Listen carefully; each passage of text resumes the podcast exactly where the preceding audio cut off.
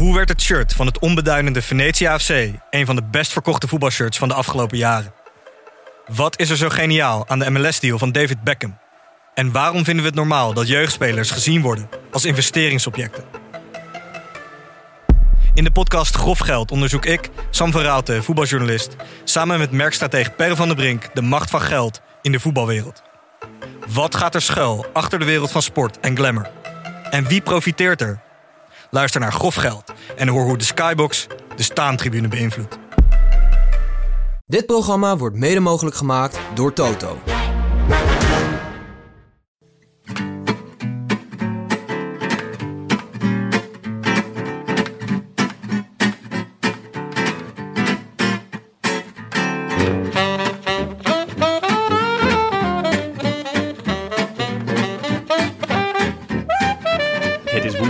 Het is woensdag 30 september en live vanuit Doma di Frank Heine in het Bellissimo Utrecht is dit de Rode Lantaarn. De wielerpodcast van Het is Koers.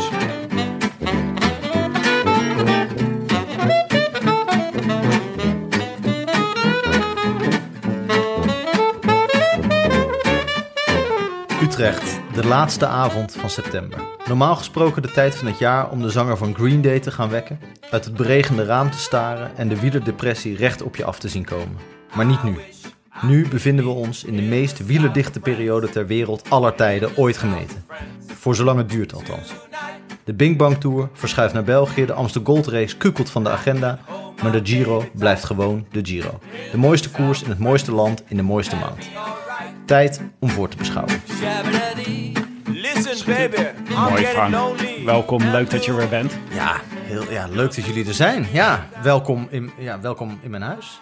Aan mijn keukentafel wederom, dank Ja. u wel. Dit, eh, dit wielerseizoen heeft zich wel een beetje geschikt naar jouw eh, gebruikelijke agenda, toch? Want meestal ben je precies op de piek, verdwijn jij met, eh, met, de, Noorderzon. Ja, ja, ja nee, de- dan... de- mijn, mijn theorie is altijd op het moment dat je niet een koers volgt, zoals met de Tour, eh, die, ik, eh, die ik vaak eh, moet missen wegens vakantie. Nou ja, goed, daar kies ik zelf voor natuurlijk. het klinkt Ah, je- nu alsof het een soort hem- aandoening is, Ja, maar... Ik klink een beetje als Christophe van der Goor. Die volledig tegen zijn zin in elk jaar de Tour moet verslaan namens Radio. Was dat altijd al zo? Want het viel me dit jaar opeens heel erg op. Ah, ja. hij geeft die man een prozakje. Ja, we hebben het er uitgebreid over gehad, maar ja, verschrikkelijk. Maar goed, nee, maar ik, ik, ik, heb alles, eh, ik heb alles gezien. Kijk, het is wel, ik moet dan vaak werken en dat schiet er dan wel bij in. Want je wil natuurlijk alles kijken, je moet alle programma's luisteren, podcast bekijken, weet ik veel wat je moet doen. Maar je moet in ieder geval, eh, is het gewoon een dagtaak, de Tour. Eh, dus je moet eigenlijk wel vakantie nemen voor de Tour en dan niet op vakantie gaan. Dat is de truc. En dat, eh, dat is er niet van gekomen. Maar ik heb wel heel veel gezien. En eh, ik vond het ook wel eens leuk om gewoon eh, eh, me onder te dompelen zoals normale mensen in de Tour. Ja. Het is ook wel eens leuk om een keer de Tour de France te Ja, ja, best wel. ik heb er veel over gehoord. Veel over geschreven ook, maar ik had het echt nooit gezien. Beviel het? Omdat zomaar, ja, heb je dan ook Herbert en Maarten voor. Oh nee, die waren er nu niet. Die waren er niet. Nee, Nee. Herbert zat, eh, zat thuis. Ja. Eh, nee, ik heb, eh, ik heb Stef natuurlijk gehoord met eh, Joris van den Berg, denk ik. Hè? En, eh, en daarna, en, en de wissel heb ik een paar keer... eh, Zeker, ja. Ro- eh, Bosveld voor Robben. Ja, Andersom. nee, die heb ik een paar keer moeten horen. Nee, ik, ik, kijk, toch, ik, ik kijk toch wel vaak op, eh op Sporza. Dus ik, ik keek wel stukjes bij de NOS, gewoon omdat ik veel hoorde over de wissel. en ik ook... eh, Je keek alleen de wissel. En ik vind Stef ook, eh, ik vind Stef ook echt wel, wel. Ja, die vertelt dingen die je nergens anders hoort. Ik vind hem. nee, ja. Nee, en hij is Unieke heel, klanken. En hij is Unieke. Want, klanken. ik heb veel commentaar gehad. Ik zat met Stef bij de avondetappe. Ja, daar vond ik hem erg goed. En, eh, Nee, serieus? Ja, echt. en, en, en hij vertelde toen dingen. dat hij niet eh, las, dat hij geen, geen lezer was. Eh, en toen, toen schijn ik heel apart gekeken te hebben. Schitterend. Echt schitterend. En daar heb ik van sommige mensen hier aan tafel commentaar op gehad, op die blik. En en dat was, veel mensen dachten dat ik hem daarmee eh, eh, voor gek zette of zo. Maar het was gewoon, ik was oprecht verbaasd, want hij is heel eh, wel bespraakt, vind ik, in zijn Ja. commentaar. Het is heel moeilijk om voortdurend volzinnen te maken, die ook af te maken met niet voortdurend dezelfde woorden. En dat kan hij. Dus Ja. ik ging ervan uit dat hij gewoon een belezen gast was. En het, bleek, het tegendeel bleek waar. Je was aangenaam verrast eigenlijk. Ja, dat, Want het- dit, dit was gewoon op eigen kracht heeft hij dit Het, eigenlijk... het, het zag eruit alsof je meer flabbergasted was. Ja, en dat was ook wel een beetje zo. ja, ja, ik vind het ook gewoon... Ja, ik, ik schrik altijd als mensen zeggen dat ze niet lezen. Maar eh, gewoon, ja, en niet met lichte schaamte, maar toch wel met enige... Met, met een soort aplomb, wat, wat ik daar niet helemaal bij vind passen eigenlijk. Nee. Maar goed, nee, maar ik, vond- ik, eh, ik heb veel gezien van de Tour. En wat, eh, wat maakte je van de Tour dit jaar? Heb je ervan genoten? Eh, nou, eh, nee. Ja, nee, ja. Nee, klinkt over. Nee, die losse etappes vond ik heel leuk. Maar als je nu met terugwerkende kracht gewoon naar het eindklassement en de, de strijd om het geel was natuurlijk een fenomenale apotheose waar ik. eh, waarvan ik helaas moet zeggen dat ik, eh, dat ik toen hier, we zitten hier in mijn huis en hiervoor is een hofje. En de, de ouders van, van mijn vriendin eh, zouden op zaterdagmiddag even langskomen. Die moesten in Utrecht zijn, was in Tivoli een concert. En zei, ze, zullen we anders van tevoren even komen eten? En zei, eh, het zei Merel, mijn vriendin, zei, nou ja, Frank die wil waarschijnlijk de Tour de France kijken, belangrijke etappe. Ik zei, ah, joh, tijdrit, sowieso, sowieso voor losers. Het is al lang beslist, Eh daar hoef ik echt niet te zien. Oh, en ja. toen, ja, en toen gebeurde het. Toen heb ik de laatste twee kilometers, ik heb dat, dat switch momentje nog net gezien, maar Ja. het, het was, eh, de, het kalf was al verdronken. eh. nee, dat was natuurlijk fantastisch, maar ik vond eigenlijk, eh, vond ik het, vond ik de de tactiek van Jumbo-Visma, en daar is natuurlijk heel veel over gezegd. En wat weet ik ervan, maar ik vond het toch frustrerend. Ik had het toch gewoon, ja, gewoon, ik, ik wil gewoon actie zien. En Ja, ik zag gewoon ja, een ander soort actie dat me niet beviel, zeg Nee, maar. ja, Gewoon, het is, ja, eh, ik, ik bedoel, het was gewoon Sky, het was gewoon US Postal en het was nu Nederlands en daardoor iets minder onsympathiek. Maar En dan ook nog eens verliezen. ja, ja, dat Ja. vind ik eigenlijk wel weer mooi. Ja, Ja, eh, dat, eh, dat gevoel dus hoe- was waar- bij velen. Ja, waar zat jij dan op de schaal eh, teleurgesteld dat Roglic niet won? O- o- of blij dat Pogacar wist te verrassen? Nou, ik vond, ik vond, ik zat natuurlijk wel wat veel mensen hadden en wat je, eh, wat je, als je, eh, wat je eigenlijk niet meer mag zeggen of nee, goed, dat, je enigszins verbaasd bent en dat je een beetje cynisch, cynische opmerkingen naar de tv gaat roepen als je iemand van een eh, vreemde ploeg opeens zo veel harder ziet rijden, een beetje, een beetje, nou ja, gewoon. Ja, licht ongeloofwaardig hard ziet rijden, gewoon even. Eh, dat, dat, dat, nou ja, goed, dat had ik ook, maar ik vond het ook fantastisch. Ik vond het gewoon voor het verhaal, wat er ook nu gebeurt of wat er is gebeurd, maakt niet uit. Het is gewoon een geweldig verhaal, geweldige Ja. dag. Eh, dus ik vond het eigenlijk vooral heel leuk. En, en ik gun het die mensen van Jumbo-Visma allemaal heel erg van harte. Maar ik dacht ook, oh ja, dit is dus wat er kan gebeuren met zo'n tactiek. Yes, aanvallen volgende keer. Gewoon, Ja. Als je de beste renner hebt en de beste ploeg, speel het uit. Speel het anders uit dan dit. Gewoon, ja. Ja, ja nee, dat vonden wij ook al. Spot on. En, en wat, ehm, eh, nog, nog heel even het kopje Tour de France af te maken. Ja. Jij bent natuurlijk Dumoulin-versteer. Humorist, hè? Dumoulist Ja. van het eerste uur. En eh, wij hebben veel gespeculeerd. Wat maak jij van de vorm van Dumoulin dit jaar? Of die nou goed was of niet.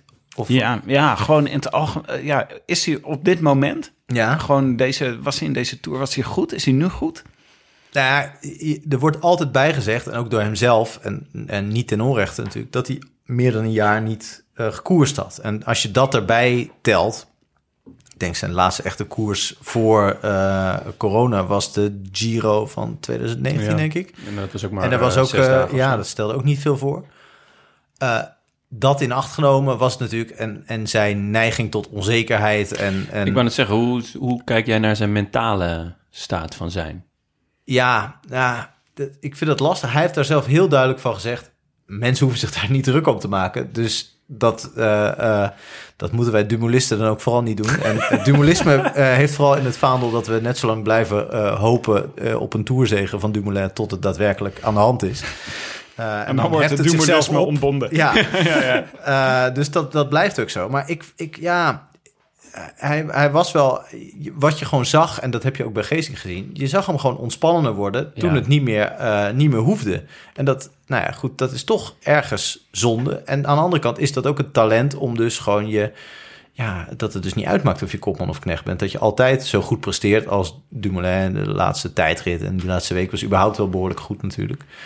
Eh, dus ja, ik, ik, ik weet het niet zo goed. Misschien dat hij nu gewoon wel het zelfvertrouwen heeft om de Vuelta te eh, winnen. het, het is een heel apart eh, component hè, van, van kopman zijn drie weken. Ja, maar het goed, is- hij heeft dat natuurlijk vaak genoeg gedaan inmiddels. Een keer of vier, vijf. Ja, zeker. Maar ja, dan vraag je ook af hoe hij het hiervoor heeft gedaan. Ja. Van hoe, hoe is hij daar wel positief gebleven? Of hoe eh, wa- was hij toen ook zo onzeker? Hebben, we- hebben, we daar, hebben we dat niet gemerkt? Of was hij toen ook gewoon goud eerlijk naar de, naar, Het gekke naar, is- naar de rest? Wij zouden hier volgens mij nooit zo uitgebreid, en niet alleen wij, maar iedereen zou hier nooit zo uitgebreid bij stilstaan als hij niet heel erg had benadrukt bij die overgang naar Jumbo. Dat hij zei van wat heerlijk om niet meer alleen kopman te zijn. Wat heerlijk om een beetje de, de verantwoordelijkheid te delen. Ik moet, het ging daar altijd om mij. Als ik moest hoesten, eh, was de rest van het team ook, eh, kon ook naar huis. Eh, die druk vond hij blijkbaar heel vervelend. Terwijl Ja. onder die druk heeft hij fantastisch gepresteerd natuurlijk. Heeft hij drie keer op het podium gegeven van een grote ronde. En had hij misschien de Vuelta van, wat was het, 2015, 16, 16. 15? Ja, ik weet niet, 16. Eh, 16 geloof ik. Eh, misschien ook wel kunnen winnen. Ja. Dus, eh, nou ja, goed. Eigenlijk heeft hij onder die druk gewoon fantastisch gepresteerd. Hij vond het misschien niet zo leuk achteraf. maar het was wel, het was voor, het, eh, voor, zijn, eh, voor zijn palmares was het niet slecht. Nee. Dus ja, ik weet niet. Er zijn mensen die zeggen, nu is hij vanaf nu altijd tweede viool of zo. nee, Maar nee, nee, dat nee, geloof nee. ik toch niet. Maar het is, het is meer dat, het- dat het... ehm, nee, dat, dat geloof ik zeker niet. Alleen, het is wel de vraag wanneer hij zelf mentaal de stap weer maakt van... Oké, ik ben goed genoeg om met de top van de wereld te wedijveren. Want Ja. kijk, als je zelf last hebt van je benen... ja, dan moet je toch onthouden dat eh, de rest van het peloton... minstens net zulke last van, je, van zijn benen heeft. Ja, want over, wel, als- bij het WK werd gezegd, volgens mij zei Van Baarle dat na afloop, dat, hij- dat Ja. Van Baarle tegen, of Dumoulin tegen Van Baarle had gezegd, ik heb kramp, eh, reken niet meer op mij. En even later demareerde die. En dat Van Baarle zei, nou als ik zo, eh, als ik zo kramp kom hebben één keer, dat, en dat is natuurlijk, daar, dat, dat suggereert dat hij gewoon niet meer helemaal weet hoe het is om, om Ja. eh, echt zo diep te gaan in de finale tussen andere mensen die nog kapotter zitten dan hij. Ja. Aan de andere kant wordt ook gezegd dat het niveau misschien wel iets hoger is nu Nou ja. dan twee jaar geleden. Ja, en het grappige is... ook, hè? Ja. Ja. Het grappige is dat ik wel eh, dat deze verhalen van, van het klagen van oh, ik heb last van mijn benen, ik heb het zwaar en eh, ellende, dat die verhalen ook over een jonge Roglic heel erg de ronde doen. Oh? Dat hij toen, toen hij net in het peloton kwam, ook eh, toen hij nog eh, toen hij dus al beter werd en dus eh, rondes van een week ging winnen, dat hij ook heel vaak bij de ploegleiding zei: ja, ik heb zo'n last van mijn benen, mijn benen dit. En dat op een gegeven moment de ploegleiding gezegd: weet je wat het is met die benen? Daar heeft iedereen last van. Ja. Dus bek houden en koersen. Ja, dus, dus het is ook mentaal, mentaal kom, ja, onderdeel is, is gewoon ontzettend belangrijk. Ja. Oké, om even de, orde, even de orde van het gesprek. Ja. Ehm, we zitten hier dus met Frank, Jonne en, eh, en ik. Tim, Willem is er niet. Geschorst. Dacht, ik benoem het toch even. Ja. Disciplinair geschorst, omdat hij de eh, hoofdredacteur van eh, Het Discours beledigd heeft Ja. op eh, En Twitter. hoe? Dus eh, die hebben we even uit de wind gehouden, want ik krijg veel vragen over Oh. natuurlijk. Ja. Terecht. Willen we verder geen commentaar op geven? Nee, gelukkig deze- krijgen we hier nu helemaal geen vragen over. Nee, nee, tijdens, deze, tijdens deze aflevering. Vind het wel Ehm, typisch iets voor Willem. Dat is- Zeker, ja, nee, zeker. Echt, Ja, blijft Hij- schillig. Ja, ja, zeker. Het is, het is eh, zeker ook buiten eh, de microfoon om helemaal geen aardige man. Eh, maar we hebben nog even een paar eh, dingetjes voordat we over de Giro gaan praten. Ehm, we hebben wat ontwikkelingen in het peloton. Zo Ja. hebben we gezien dat Wanti is toegelaten tot de World Tour. Dat moet jou verheugen, Jonne. Ja, nou, het, het verbaasde me vooral. Ik had helemaal niet het idee dat Wanti eh die ambities had, joh. Nog bestond. Dat ook, nou, ik dacht, eh, die, dat, eh, dat- ja, ik vond het toch... Nee, Met alle respect, en dan weet je, dan komt er een respectloze opmerking. Ja, maar ja. met alle respect, dat het gewoon een beetje een hobbyclub was. Ook omdat circus. ja, dat is circus erbij. En, Ja. ja, ja. ehm, dus zij gaan de, de licentie van CCC overnemen. En ja, ik was zeer verbaasd. Welke renners rijden er bij Wanti? Ehm, Ehm, ja, nee. Maurits eh, Lammertink. Ja, Maurits Lammertink, ja. Of Misschien, een eh, Lammertink in ieder geval. eh, ik ken Een eh, van de Lammertinks. Xandro Muris. oh ja, ja, maar die gaat volgens mij een, eh, gaat die weg? Ja. Die ging al naar de World Tour dus. Ja. Ja. Ik. Ehm, ik kan me vergissen, maar ik, dat is ook omdat ik een schitterende naam vind. Maar Baptiste Plankaart? Oh ja. Of zat hij juist bij die andere Belgische ploeg? ja. Zie je, daar ga je dus al. je Ja, krijgen stelt die dan gewoon allemaal een World Tour? Omdat niemand ze uit elkaar kan houden. Nee, eh heeft Plankaart zit niet bij eh Wanti. Ik, Oh, heb is- even, ik heb even een, een klein eh, stukje research eh, doe ik hier, ter plekke. Je, maar je hebt gewoon het ingetypt op je, op je ik heb de laptop. website google.com geraadpleegd.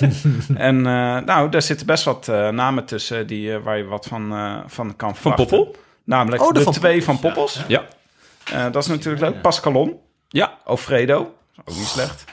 Uh, Jeetje. Gewoon eigenlijk een wereldploeg. Loïc Vliegen. Die ze hebben nog het WK gezien. Ja. Loïc. Ja, Loïc. Schitterende naam ook Timothy trouwens. Dupont. Ja. Ehm, Mooie- En mede Gent.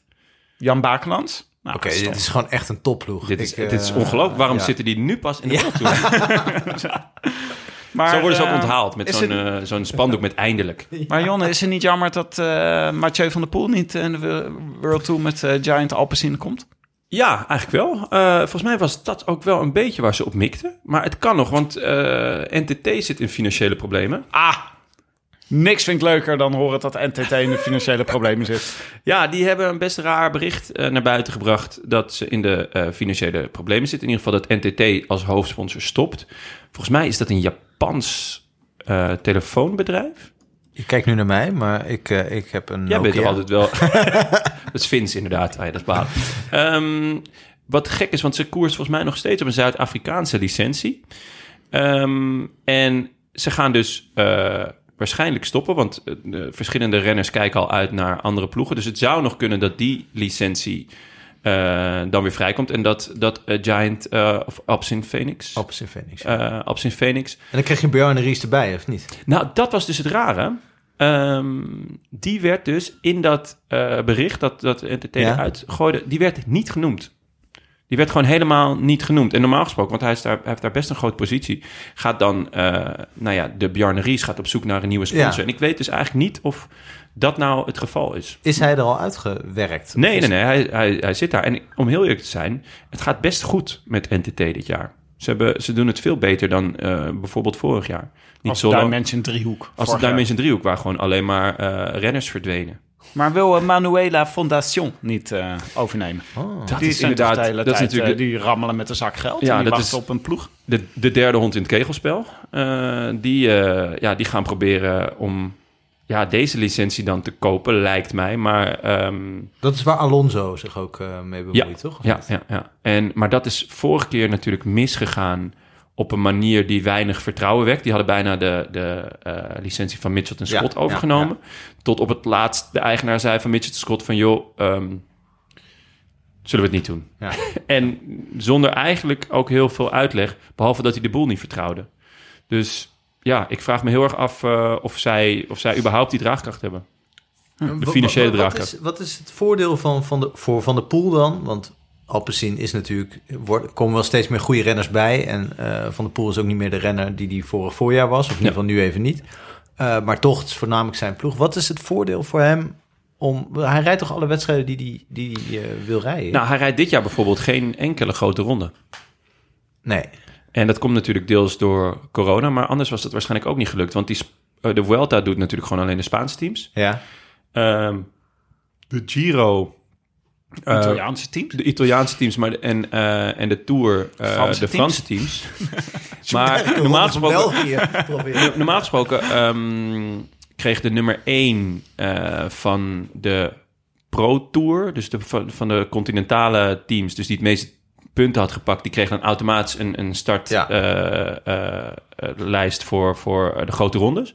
Maar dat was dit jaar al niet, omdat er twee extra ploegen bij zijn gekomen afgelopen jaar in de World Tour. Dus volgens mij is dat Kofidis en Arkea Samsic. Eh, die zijn World Tour geworden. Ehm, waardoor er dus veel minder ruimte was überhaupt. Dus ja, dan is het elk jaar de vraag van... nou, gaat hij nog een grote ronde rijden? En je ziet wat een grote ronde kan doen met een, met een, een, een heel goede renner zoals Van Aert. Ja. Ehm, ja, de- er komt toch wel eh, wat extra's bij kijken... als je ineens drie weken eh, kan koersen. Ja, toch is het verschil tussen Van der Poel en Van Aert. Denk ik dat Van Aert zich veel meer volledig op het wegrij- eh, wegwielrennen heeft Ja. geconcentreerd. En ook nog wel veldrijder is. Terwijl Van der Poel heel erg nog veldrijder is. Ook nog mountainbiker is. En dat eigenlijk misschien nog wel belangrijker had gevonden dit jaar als het allemaal was doorgegaan. Eh, en er ook nog een beetje klassiekers bij pakt. Dat is natuurlijk voor een ploeg Ja. en voor...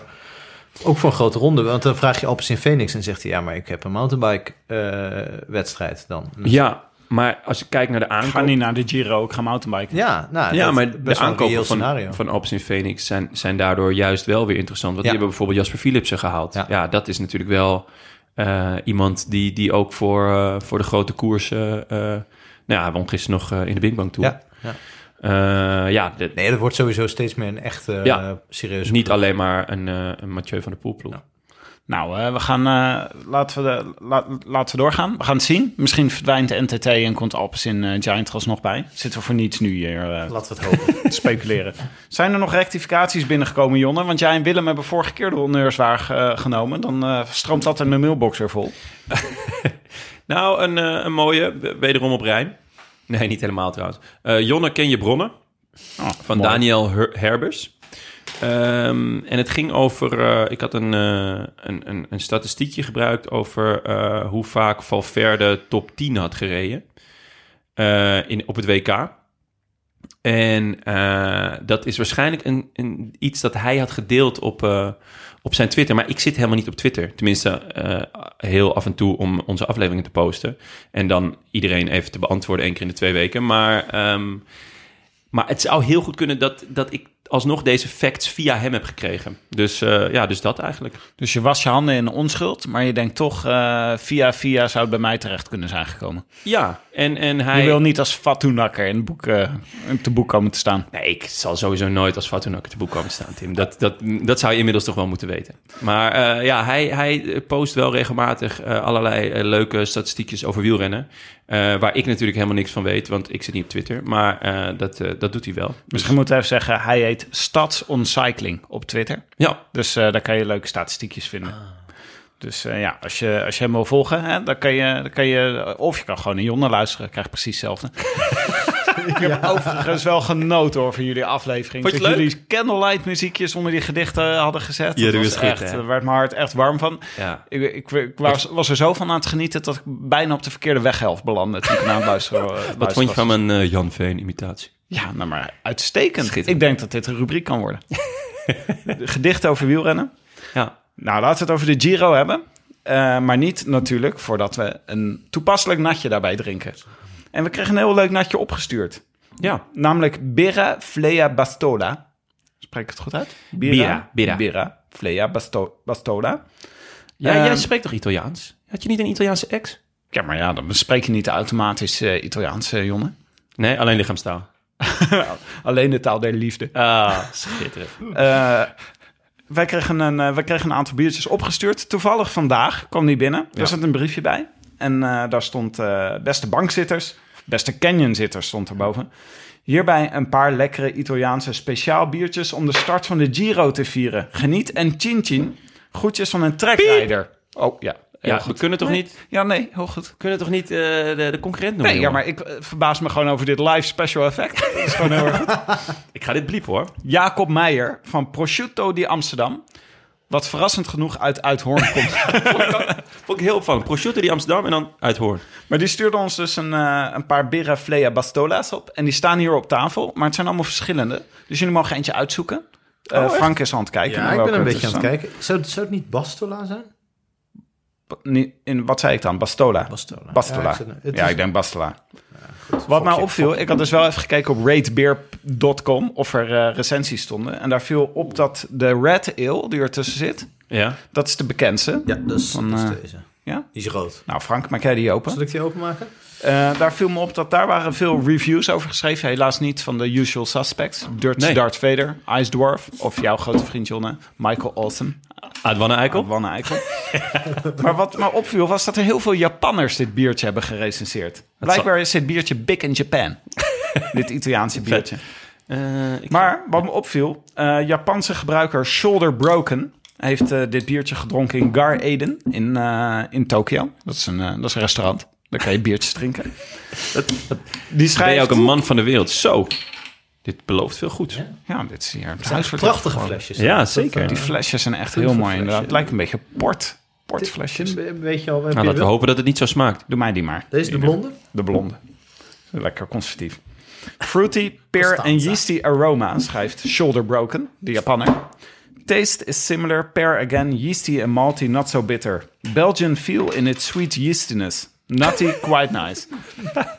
Ik vind het dus raar dat deze Japanner, die dit Italiaanse biertje heeft gedronken, schrijft... Het is een, eh, doet me nogal Belgisch aan. Ja. Ja, dat is wel en goed. Yeastiness. Wat een schitterend woord. Wat, wat betekent dat? Yeast is gist. Ah, Gistig. Gistig. Gistig. Ja, geestig. Geestig bier. Geestig. Geestig bier. nou jongens, eh, proost. Proost, santé. Op de, op de Giro. Zo'n eh, Italiaans-Vlaamsig biertjes. Heel ja, zo'n bohemian biertje hebben we nog nooit gedronken.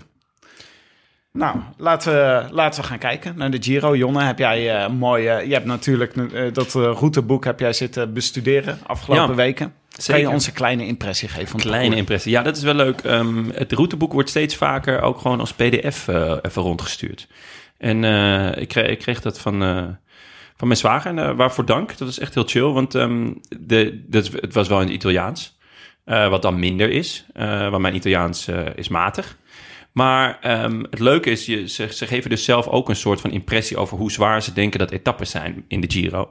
En, Mag ik één ding over dat routeboek vertellen? Want ik had het ook gezien. Ja, kom maar door. Er staat, dat opent dus met een quote van Gandhi. er staat er, ja, je moet niet de storm uitzitten, maar je moet dansen in de regen.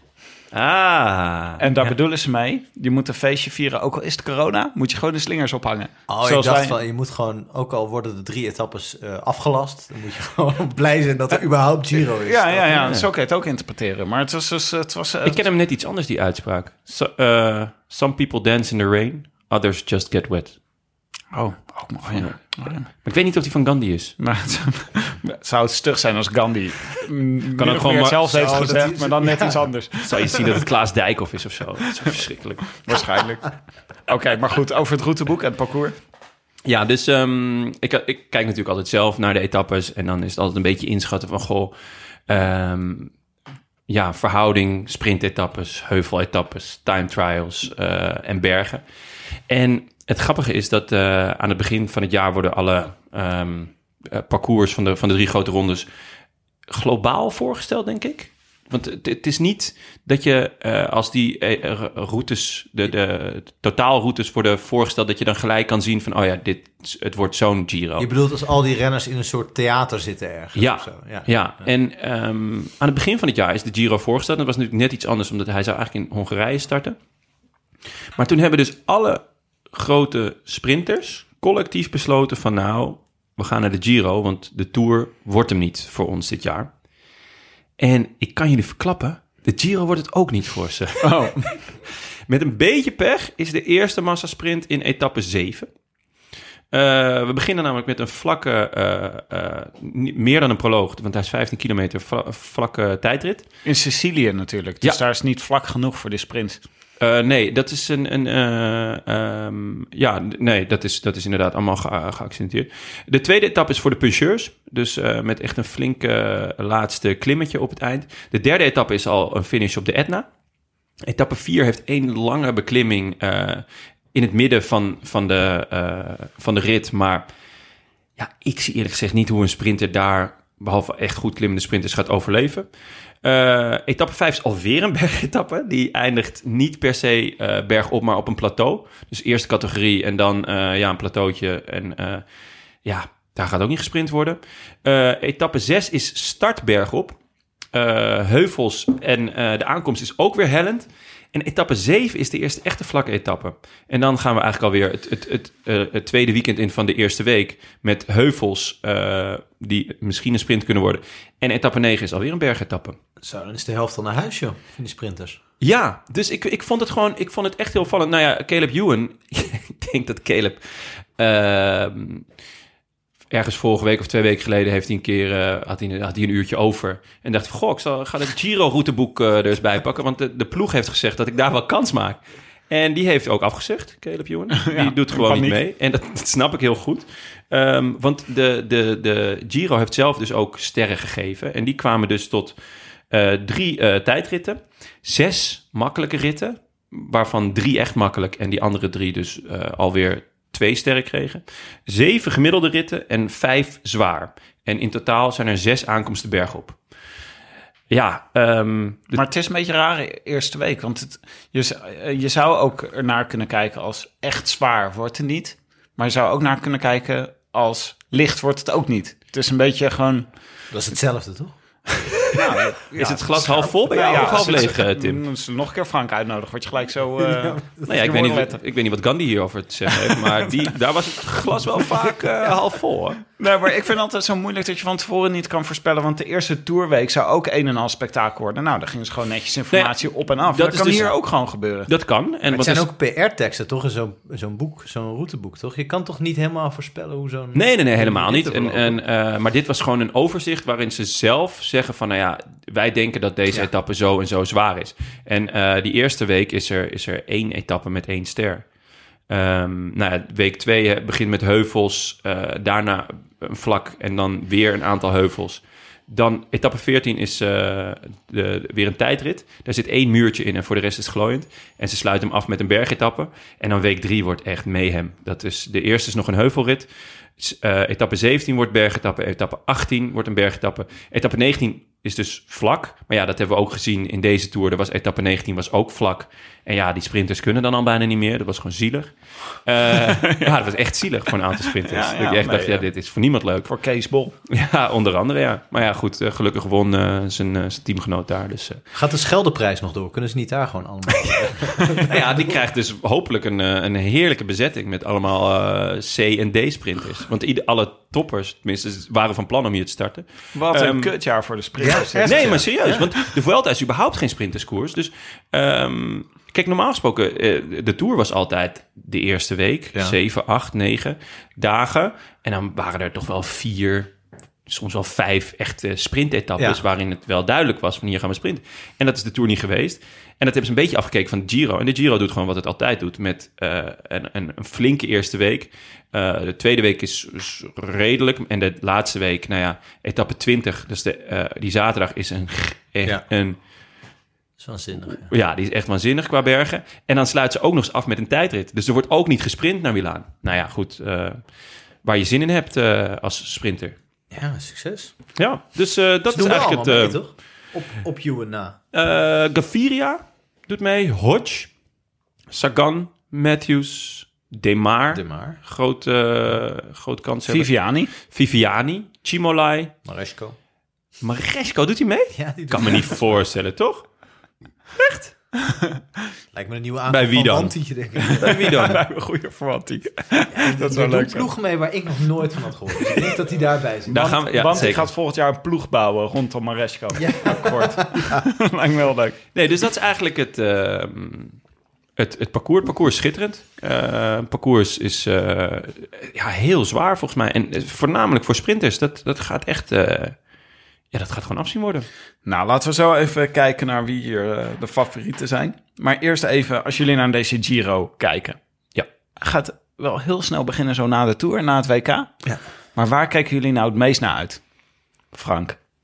Nou, ik, ik kijk toch het meest uit naar weer eh, de kans dat Steven Kruiswijk toch weer de Giro gaat winnen. Het sneeuwt, hè? Je Ja, nu nu al jinxen?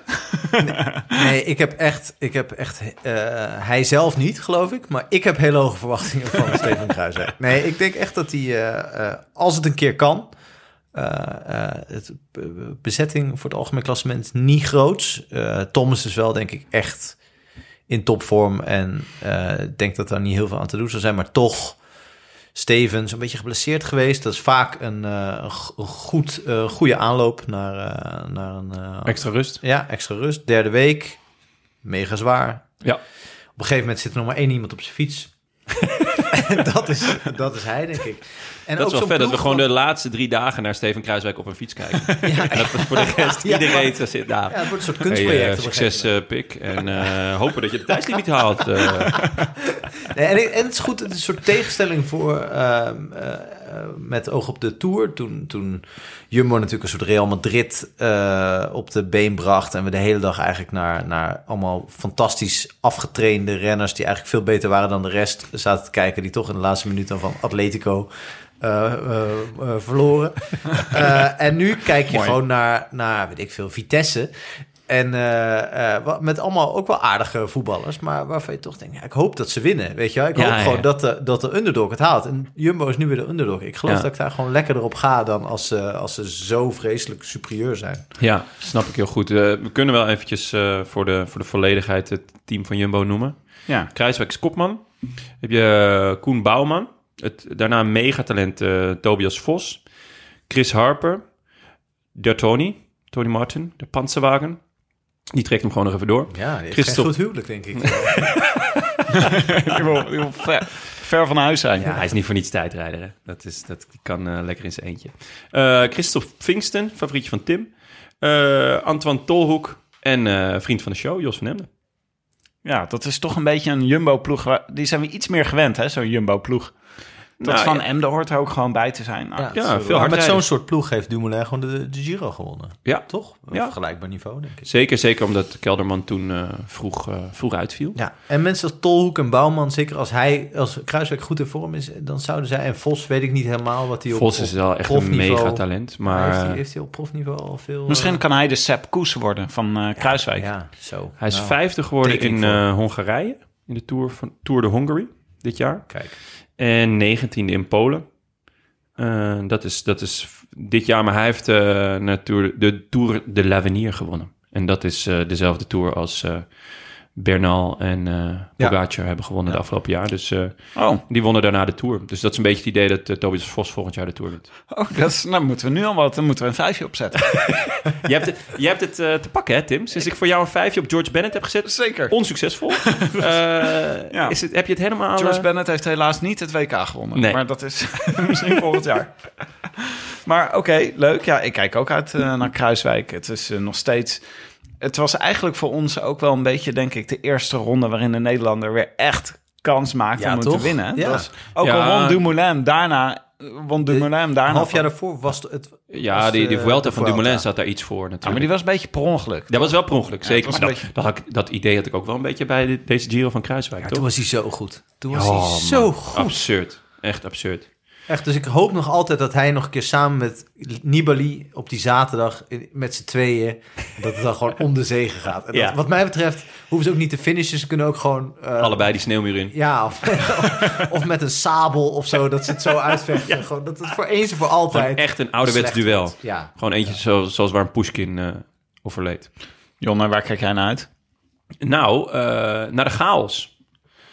Eh, eigenlijk wat, eh, wat Frank ook wel al een beetje aanstipte met, eh, met Jumbo. De Tour is toch gewoon heel groot en heel belangrijk voor alle sponsoren, maar ook voor het wielrennen en ook voor alle ploegleiders en alle andere ploegen. Dat er eigenlijk, wat er die laatste zaterdag gebeurde met Pogacar, dat, dat gebeurt eigenlijk nooit. Tuurlijk, we hoopten er al jaren op dat iets dergelijks zou gebeuren. Ehm, maar in de is Giro, meer een Giro-dingetje, wil je zeggen. ja, in de Giro gebeuren dit soort dingen wel vaker. Eh, Weet je wel, gewoon geniale ontsnappingen, fenomenale inzinkingen. Ehm, ja, toch ook wel veel valpartijen, maar dat, dat ineens de Giro onthoofd is of iets dergelijks. Omdat ineens eh, toch eh, de gevaarlijkste man eh, eh, uitvalt. En nou ja, kijk naar die, die Giro van Kruiswijk, maar ook Froome. eh, Ja, zeker Froome. En ook de Giro die Tom wint. Dat, dat daarin... eh Thomas was daar ook een van de topfavorieten. Die viel weg samen met Kelderman. Nou ja, goed. Toen ontstond er weer een heel andere dynamiek eigenlijk. En dat is... ehm, daar, daar kijk ik ontzettend naar uit.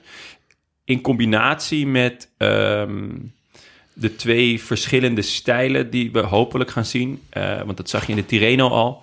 Waarin Yates gaat aanvallen, want die weet dat hij tijd gaat verliezen in de tijdrit. Eh, en Thomas eh, ja, de soort van kan controleren, omdat hij die tijdrit nog heeft. Maar ja, die laatste week is zo zwaar ehm, dat durft Thomas te vertrouwen op zijn tijdrit? Dat is een, dat is een beetje de vraag. Het, het- ik vind dat altijd een heel vette tegenstelling. De tijdrijder versus de klimmer. Nou, heeft, dan kan Thomas natuurlijk ook fantastisch klimmen. En heeft hij ook een goede punch. Dus daar hoeft hij het niet per se op te verliezen. Maar in die Tirreno, dat zei eh Yates ook van... Nou ja, als ik deze Tirreno wil winnen, dan zal ik moeten aanvallen. Want in de tijdrit ga ik nog wat verliezen. Nou ja, dat is natuurlijk eh, ja, wat we allemaal willen zien. Toch? Ja, zeker. En misschien leuk om ook heel even naar het team van eh Ineos te kijken die ze meenemen. Tom, Thomas heeft uh, uh, Castro Viejo heeft hij bij zich. Nou, dat is natuurlijk best, uh, nou, kan je best mee controleren, denk ik. Maar dan Dennis, Rowan Dennis en Filippo Ganna hebben ze denk ik meegenomen... zodat ze samen tegen elkaar kunnen rijden in de tijdritten. dat ze sowieso winnen. Ja, en in, combinatie met Castro Viejo kun je gewoon een 1-2-3'tje. Ja, ik kan zeggen, misschien gaan ze daar wel voor. Nou, dan heeft hij verder van de bergen Gegenhard, Narvaez... Jonathan Narvaez? Narvaez? Ja. Kennen jullie die? Narvaez. Narvaez? Ja, van Ecuadoriaan. Ja. Salvatore Puccio is degene die uh, de valpartij van Dumoulin veroorzaakte. Ja. Oh ja. Mag dus, je weer fietsen? ja, ja, ja, ongelooflijk. En Ben Swift.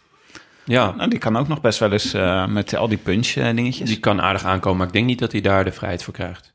Maar hmm. ja, toch voornamelijk een team van hardrijders. Hè? Beetje gekke ploeg eigenlijk. Ja, ja het, ik, ik ja, het lijkt uh, toch gewoon wel echt chaos bij Ineos. Um, en dat zie je misschien ook wel een beetje terug in deze ploeg. Want wie krijgt Thomas nou uiteindelijk mee voor in de bergen? Hard? En Narvaez is volgens mij ook een Narvaez kan ja. ook wel, uh, wel omhoog. Maar ja, het sluit wel aan bij uh, de rest van de Giro. Want het is, het is inderdaad met alle respect, wederom een beetje de B-garnituur wat hier natuurlijk rondrijdt. Want vrijwel iedereen stuur, heeft zijn sterkste ploeg naar de Tour gestuurd. Ja. Dus we, en, en dat maakt het ook leuk, want deze jongens zijn eigenlijk allemaal echt enorm aan elkaar gewaagd. Ja, het is natuurlijk de logica dat al die ploegen dachten van... wie weet komt er helemaal geen Giro. Ja. We, we pakken gewoon wat we mee kunnen pakken. We gaan sowieso met onze beste man naar de Tour. Waardoor nu gewoon de, de restjes voor de Giro zijn. Ja, dat is toch behalve eigenlijk Sunweb. Ja, die komen opeens met al. Die, die hebben alles al gewonnen. En nu komen ze wel eens een keer met hun beste renner. Ja, nee. De, dus die, die hadden ook een A en een, en een B-ploeg of een C-ploeg. En de, de ene ging naar de Tour en de andere naar de, naar, de, uh, naar de Giro. Maar die hebben gewoon qua klassement. hebben ze eigenlijk alles op de Giro gezet met, uh, met Kelderman en Ome. En Matthews. En Matthews, die, uh, die voor, de, um, voor de sprints gaat. En jouw nemesis Chad Haga. Voor de tijdritten? Voor de tijdritten, zeker. Ja. Eh, de rally-gekkie. Uh, Nico Dens, uh, Chris Hamilton, Jay Hindley, ook een goede, ja. goede klimmer. En uh, vriend van de show, Martijn Tusveld. Leuke ploeg. Ja, Toch? echt ja. een leuke ploeg. Dus hopelijk kunnen zij een beetje gaan spelen. Want ehm, Sam Omen was elfde in de Tirreno. Dus die, ja... Die Kelderman vierde, toch? Ja, ja, dat was echt top. Ja, dus Die, die... Ja, Kelderman wisten we wel dat hij in vorm was. Maar Omen, ja, het zit er wel, wel aan te komen, lijkt mij. Iets waar ik me erg op ja, waar, waar, waar zit jij? Zijn, de, zijn de weersomstandigheden tijdens deze Giro. Lekker. Het is gewoon raar om een Giro te rijden in oktober. Ja, te gek. Ja. ja, vasthouden zou ik zeggen. Ja, ja, ja maar het, is, het gaat gewoon... Ze gaan wel gewoon in 30 graden starten op Sicilië. Dus in Palermo. Dat is gewoon super warm. maar op de Stelvio vriezen nu. Daar moeten ze ook overheen. Ja, en dan sneeuwt het. En dan gaat het gewoon door wintersportgebied. Ja, het wordt een soort biathlon wordt het. Uh... ja, het wordt echt... Sneeuwkettingen gewoon om, de, om je wiel. Ja, maar stel je voor dat je zo'n renner bent die het gewoon niet zo goed trekt... om het de ene dag warm en de andere dag koud te krijgen. Nou, dan ga je een moeilijke tijd tegemoet. Want uh, dat kan heel erg verschillen tijdens deze Giro. Ja, wat dat betreft... Uh... Laagjes, hè? Laagjes, laagjes aandoen. Oh, heerlijk. Maar goed, ik ben dus wel echt benieuwd of we straks op de Stelvio echt zo'n sneeuwlandschap gaan zien. Was het ook op de Stelvio dat, dat alle renners een keer stopten, een jaar of vijf, zes geleden, en dat Quintana dacht, ah, maar niemand heeft officieel gezegd dat we stoppen. Klopt, ja. ja en dat ja, hij er best vier minuten voor lag. Ja, ja, dat was zo, ja. Dat is zo goed, daar hoop ik toch op. Wat, dat, was dat niet in de Tirreno? Nee, dat was in de Giro. Was dat ook in de Giro? Ja. ja. De Uran had toen roze en die zei, nou, laten we stoppen. En dat iedereen zei, ja, oké, we stoppen. dat één iemand zei, oké, laten we niet stoppen. Oh, ik, ik, heb niks gehoord. Ja. Uh, ik, was, ik, was, eigenlijk al uh, doorgefietst, uh, het, het, zou me niks verbazen als Kelderman dit jaar dat als strategie heeft opgeschreven. Ja, ja. Straks als ze de Stelvio overgaan en de, gele de roze trui dragen op dat moment, weet je, als Yates en die zegt, jongens, laten we stoppen, dit kan niet. Kan niet. Nee, levensgevaarlijk. Ja, en dat Kelderman denkt, ik weet het nog van Quintana. Typisch Kelderman. Kelderman. Ah, of, dat, dat zou helemaal mooi zijn. Eerst zelf een beetje die roddel verspreiden. Van, gasten, ik heb uh, gehoord uh, dat... Uh, het is echt vet koud op die berg. ik weet niet of het verstandig is om door te rijden. Zouden we dat nou wel doen? ja, dat is misschien... Ja, dat is ook wel iets, weet je wel, Jumbo ineens met Tony Martin in de Tour ja. ging doen. Dat kan Martin ook hier wel even in de... Zo, ja. Dit is de verantwoordelijkheid ook van, hoe heet die rennersvakbond ook weer? De CCCP? Ja, VCB. De CCCP. Ik weet niet. Dat, dat is de UCI. Dat is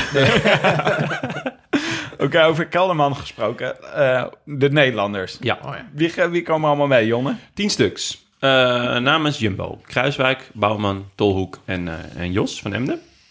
Namens Sunweb, eh, Kelderman, Oom en Tusveld. Eh, op de grote plaat, Pieter Wening.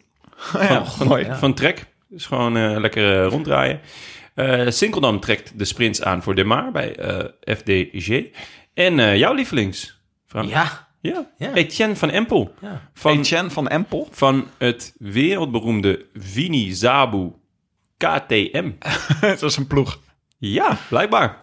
Wie, eh, Frank, weet jij iets van deze Etienne van Empel? Nee, nee, ik weet eigenlijk alleen maar dat hij bij Vini Sabu KTM fietst.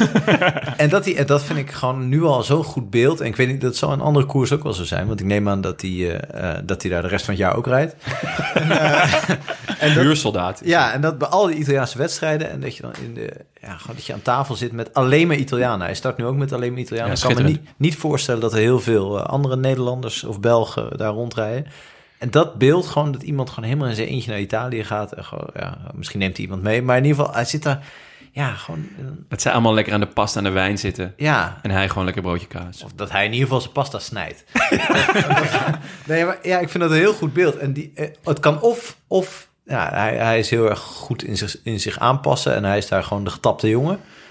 Eh, of hij zit helemaal in zijn eentje, zoals, zoals Contador ooit bij Astana, in zijn eentje aan een andere tafel, zeg maar, toen, toen Armstrong daar de, de baas was. En dat, ja, dat, dan gun ik hem drie etappen zegen. ik weet niet of dat erin zit. Ik weet ook niet waar hij daarvoor heeft gereden, maar Rompelt. bij Rompelt, denk ik. En, Ja, en in ja. de jeugd bij, eh, bij Rabobank. Kijk. Ik moet zeggen, ik heb nu een fotootje van hem. Ja, Ja, hij ziet er best Italiaans uit. oké. Ja, gewoon... eh, ja, het, het- ja, het zou zomaar... Dus het is minder... Als ze hem Gianfranco van Empel zouden noemen, dan denk je ook, nou... Ja, waar komt die achternaam vandaan? Ja. ja, goed. Het is wel vaak met Italianen dat het er goed uitziet, maar dan van binnen wat minder is. Eh, dus Maar ik vrees dat hij moet knechten voor... Visconti zit bij met de ploeg. Die is denk ik... Ja, die moet van de leeftijd van Wening zijn inmiddels. Lucino ongeveer. Visconti, toch? Lucino Visconti. ja. Ja. En eh, eh, dat... eh, Die is best goed, toch? Nou, nee, ja, Giovanni. in 2010. Giovanni Visconti is Ja, het. Lucino is de regisseur. regisseur. Ah, zo. Ja, nee, ik dacht, culturele referentie. Ja, dacht, ik, eh, Ik ik dacht, ik drop hem even. Jij begrijpt hem direct. Maar ik, nee, ik kijk nooit films. En nu die blik van Frank. nee, ik kijk echt nooit films. Behalve eh, Wedding Crashers. Die kijk ik heel vaak. Die is ook van Visconti. Dat is wel Oh, echt? Ja, ja, dat is toevallig. Een genie. een, onge- een onbegrepen genie. is toch in die Trevi-fontein? Maar, eh, nou, oké. dus je verwacht niet heel veel etappe-overwinningen voor Etienne van Empel. Ah, ik zou, als hij gewoon in die eerste week zeg maar zijn karretje aanhaakt bij Thomas de Gent. Ik denk dat hij het zelf ook wel snapt dat dit de tip van de, van de eerste week is. Maar eh, dat, hij, dat we hem dan wel een keer in beeld eh, zien rijden. Want het lijkt me een ploeg die gewoon ja, ieder uur in, in, eh, voor de camera is meegenomen. Ja, waarom niet Etienne, denk ik dan. En Ja. dan gewoon die bergtrui pakken, een van de eerste dagen. Moet wel voor de Etna, denk ik, maar kan dat de tweede dag? Nou, dat is de derde dag. Maar de tweede dag. Kijk, toch op de tweede dag inzetten. Ja, ja, shit. Ja, goed. Ik, Maar eh, is, eh, denken jullie dat eh, Kelderman, die rijdt dan ook een beetje... Die, is een beetje een vraagteken natuurlijk. Maar die is best wel in vorm aan het rijden. Wilco We, hebben het- C. we kijken allemaal naar Kruiswijk, maar die, we hebben gewoon Kelderman ook rondrijden. Wat verwachten jullie daarvan? Ja, die kan echt eh, top 5 rijden hier. Eh, er, zijn, de- er zijn natuurlijk niet heel veel grote klassementsmannen. Ehm, hij wordt vierde in de Tirreno en volkomen terecht ook. Hij was gewoon echt goed. Eh, als het, hij kon alleen net elke keer Yates en Thomas niet volgen op het beslissende moment. Maar hij heeft natuurlijk echt wel een lekkere tijdrit. Eh, en het zijn, er zijn drie tijdritten. Eh, dus, en in het ultieme hoge berg gaat hij misschien wat tekort komen. Maar ja, dat zou ook zomaar kunnen gelden voor Vogelsang, voor Kruiswijk, voor Nibali, die tot nu toe ook elke keer in het eh, ultieme hoge berg gewoon net tekort kwamen. Ja, en Nou, die, die punchers-etappes, dat is echt iets voor hem. Hè? Daarom, Daar kan dat- hij er misschien wel een van winnen zelfs. Ja, daar, daar kan hij wel gewoon eh, in ieder geval met de beste mee. Ja. Ah, nou is Yates en Ja. Thomas heb ik als puncheurs wel echt hoog zitten. Ulissi doet ook nog mee. Eh, maar Hij is altijd bij de eerste zes klopt. bij. Ja, ja, ja, ja. En, en ja, als hij dat eh, volhoudt, ja, dan zit er echt heel veel moois in te vat. Ik, mijn gevoel zegt top 5. En ja, als er nog iets geks gebeurt, dan, eh, dan rijdt hij gewoon podium.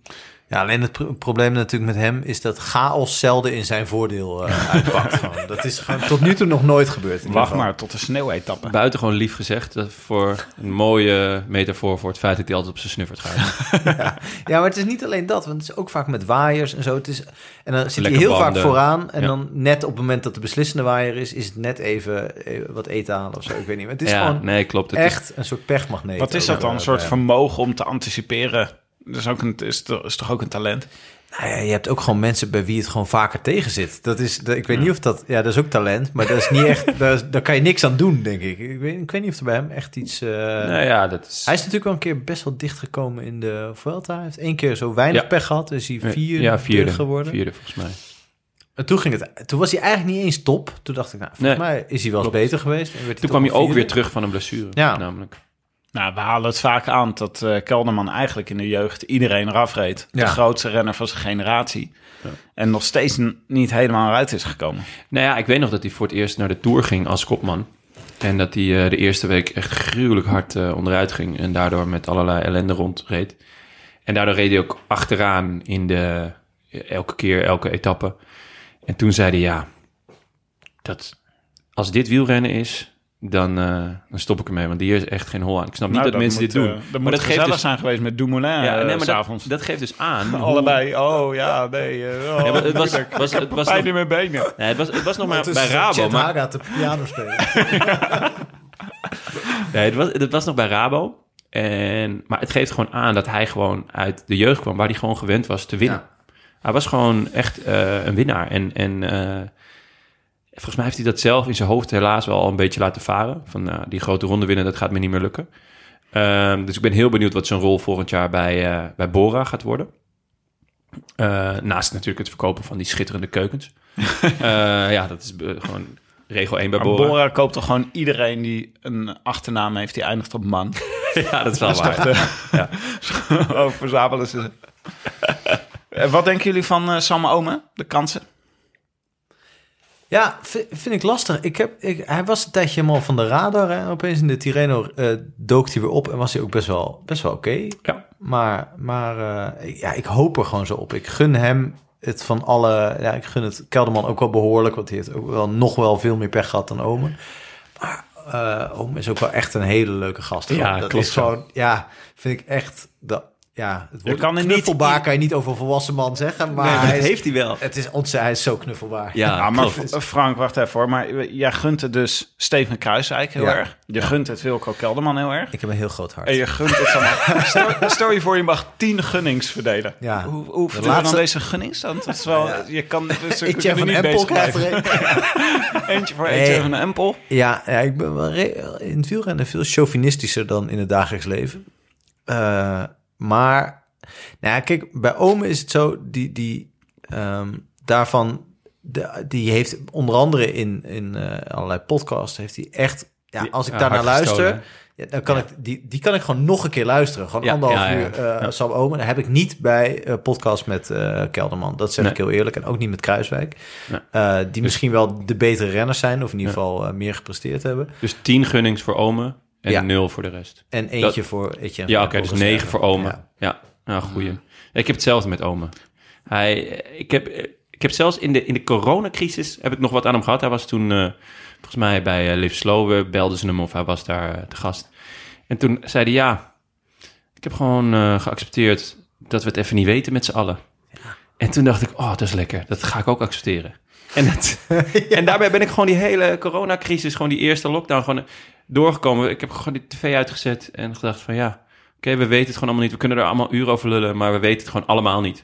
Dus ja, dan Hij heeft vertelde heel... in diezelfde podcast dat hij heel erg fan is van eh eh, Tallest Man on Earth. Hij is, hij, Oh ja, hij is heel ja. muzikaal. hè. En wat, dus een van zijn laatste concerten, volgens mij voor de corona, was ook in eh, Tivoli eh, bij de Tallest Man on Earth, waar ik ook was. Ah, echt? Eh, want daar ben ik ook heel erg fan van. Dus nou ja, goed. Ik vind gewoon als je zoveel deelt, ja, eigenlijk, ja, Ja. Dan, ja, dan, moet je, dan moet je je verantwoordelijkheid nemen en achter zo'n jongen gaan staan. Dus Wat leuk. Ja, ja. ik luister wel eens op mijn werk luister ik naar een Spotify playlist van jou. Ja, Dan kom ik vaak Tallest Man on Earth ja eh, die ook komt tegen. regelmatig langs. Ja. Wow, we leren echt veel over je. Ja. Ik ben, toen ik binnenkwam namelijk hier, jongens, dat, dat- Tim, jij weet, weet het ook, maar dan, dan zie je dus een gigantische boekenkast en heel belezen en dit en dat. En dan ineens zie je zo in een hoekje, zie je gewoon het spel Boggle staan. Boggel? Boggle. Ja, Ken je dat nog van vroeger? Is dat met die dobbelstenen? Dat is met die dobbelstenen met letters, letters erop. Met letters. Oh, en ja. die rolde je dan. En dan moest je van die dobbelstenen allemaal letters. En dan moest je daar woorden van maken dat aan elkaar zat. Als een soort Ja. slang. Ja. En dan, ja, als je dan had gegooid en je ging dan opnieuw gooien. Dan moest je met een enorme hark, moest je dat zo terughalen. Ik weet het nog heel goed. Dat was op tv. Het was op tv, ja, zeker. Schitterend het, programma. Het bordspel, of het spel dat, dat hier in de kast staat. eh, Ik wil je toch even wat serieuze dingen over zeggen. Als je het goed vindt. Eh, want het is best wel een belangrijk deel van mijn leven. Eh, ik heb dit als kind, vanaf dat ik kon lezen, dus dat was nou, vijf, zes, ontzettend veel gedaan. Eh, eh, en ook alleen. Ik ben enig kind. Eh, mijn ouders hadden niet altijd zin of tijd om met mij te spelen. Ik zat gewoon uren gewoon te schudden met die letters en, dat, Ja. en dan gewoon woorden te maken. Want soms, maar soms had je ook dat, dat het laatste dingetje niet in het, in het, Ja. in het, in het, in het vakje wou. Ja, dus dan was je uren aan het... techniek voor. Leg, ik je, leg ik je straks uit. Eh, en eh, heel vaak kwamen er dan, of heel vaak, af en toe kwam er een oppas. Dat was altijd een, eh, een, een, buur, een buurmeisje of een meisje uit de buurt van ja, 15, 16. En die, die wilde ik altijd boggelen voordat ik naar ging. En er was één oppas die zei: ja, Ik mag voor iedere keer dat, dat hij wint, een kind van zes, mag ik zo'n merci uit zo'n uit zo, uit zo'n doos. En die verrat als een hele doos merci leeg. Omdat ik was echt extreem getraind. Ik zat ongeveer de hele tijd op hoogte met bobbel. Dat was eigenlijk wat er aan de hand was. Ik heb me een paar jaar geleden ook nog in de HP de tijd uitge- eh, mezelf uitgeroepen tot wereldkampioen boggel, omdat er geen wereldkampioenschappen zijn. Eh, eh, en ik verwacht nog steeds op een, op een uitdager die, die er maar Nou, niet komt. Ik, eh, Ja? ja, Is het zover? Ja we, kunnen, we, we kunnen live een potje boggelen. Jongens, we gaan nu, we gaan nu niet Boggel spelen. Ik heb vroeger ook veel geboggeld met Maar mijn goed, dit, dit, eh, het is allemaal redelijk rechtgetrokken. Ik heb boggel vervangen voor wielrennen en nu is Ja. daar een beetje boggel voor teruggekomen. Maar mijn vriendin is inmiddels ook om. Ja, dat snap ik. Ja, Eén keer maar- boggelen is altijd boggelen. dit, dit verklaart dus ook waarom het hier zo pontificaal in de boekenkast in een woonkamer Ja, staat. het moet gewoon op de pak. Maar die eh, Spotify-playlist van jou, die mogen ook andere mensen luisteren, want we zetten hem even in de show notes. Oh, dat is goed. Ja, Ja. ja. ja, ik weet niet welke het is, maar eh, Ja, eh, je hebt er heel veel. ik heb er heel veel, ja. ja, Ja. ik ben wel een lijstje. Wat is het, de, de beste boggelmuziek? Beste boggelmuziek is totale stilte. Oké, jongens, laten we doorgaan. Eén renner die deze Giro gaat verrassen. Jonne, heb je al over nagedacht? Ja, maar we hadden hier natuurlijk al eh, voor, vooraf een discussie over. Is het een verrassing als iedereen deze verrassing voorspelt? Oh, jij wil even filosofisch. Je wil even deze vraag filosofisch aanvallen. Ja, kijk... eh, Het is de- geen verrassing meer, omdat we nu drie dagen voor de Giro deze aflevering opnemen. Nou ja, Popper zei het dus al. Eh, weet je, als alles verklarend is, is het ook niets verklarend. Ja. En uiteindelijk, ja, als iedereen zegt dat Vlaasov de verrassing van Giro gaat worden... ja, dan is het niet echt een verrassing meer, maar ik ga toch Vlaasov zeggen. Oh, ja. Nou. Ja, Ja. mooi. Ja, in de Tirreno was hij ja, langzamer dan- Kelderman. Ja, met vijfde of zesde, geloof ik. Ja. Maar laten we wel wezen, hij won de Giro d'Emilia Ja. uit mijn hoofd. En eh, hij werd derde in de ronde van Lombardije.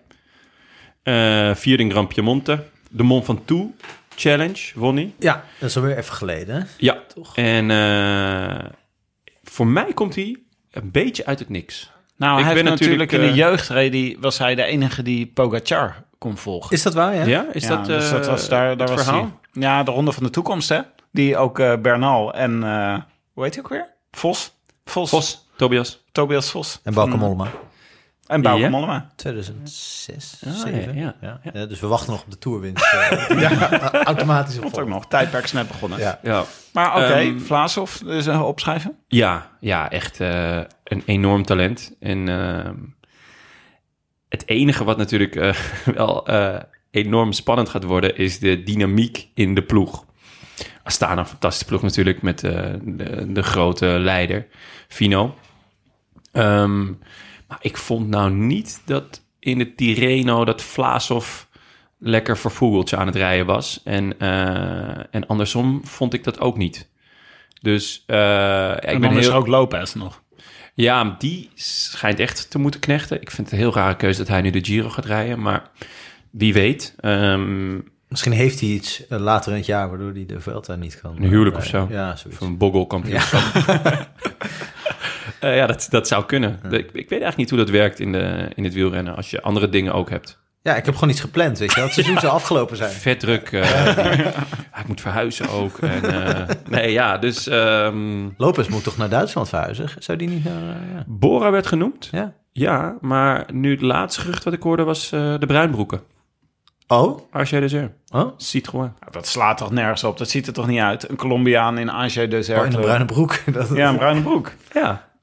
Ja, nou ja, waarom? De, de, die, die, ja. Maar ik heb bepaalde vooroordelen over ploegen. En ik vind het niet leuk als daar ineens mee eh, wordt eh, gefukt. Maar dat had ik bij Bora ook. En dat moet ik voortdurend bijstellen. Ja, Die, zeker. eh, dat is gewoon een heel goede ploeg geworden. Ja. Echt een heel goede ploeg. Ja. Dus eh, ja, ik Vlaas of en jullie jongens. Wie, wie, wie wordt jullie, eh, jullie konijn uit de hoge hoed? Nou, ik dacht eh McNulty, Brandon.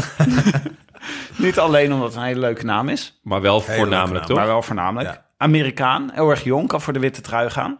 Leuk. Maar hij heeft ook een keer de ronde van Sicilië gewonnen. En daar begint de Giro. Wat goed. Nou ja, dit is in de sterren geschreven, toch? Brandon McNulty. Ik ken Brandon McNulty eigenlijk alleen van als je dan in, wanneer is dat mei, zo op 's avonds laat, als je dan, dat is een heerlijk moment, Ja, dat je dan ja. Eurosport aanzet en Ja. dat dan, Joost mag weten wie commentaar aan het geven is bij zo'n eindeloze klim in de ro- ronde van Californië. Ja, en dan rijdt meestal Brandon McNulty vooraan en nog wat andere Max. En, Ja. dan, en dan zeggen ze altijd, ja, dit is zo'n groot talent. Die heeft alles gewonnen eh, wat er te winnen valt. En Op dit continent. Ja, continent. Joe Dombrowski of Ja, zo. weet ja, ja. Dan komen ze naar Europa en dan hoor je er eigenlijk nooit meer wat van. Eeuwig zonde dat eh, de Ronde van Californië ter ziele is gegaan. Is- ja, maar Ja? Dit Die, is eh, nieuws voor mij. Die was al voor corona ehm, overleden. Oh. Want eh, gebrek aan ehm, financiële eh, daadkracht, draagkracht, Nou ja. middelen.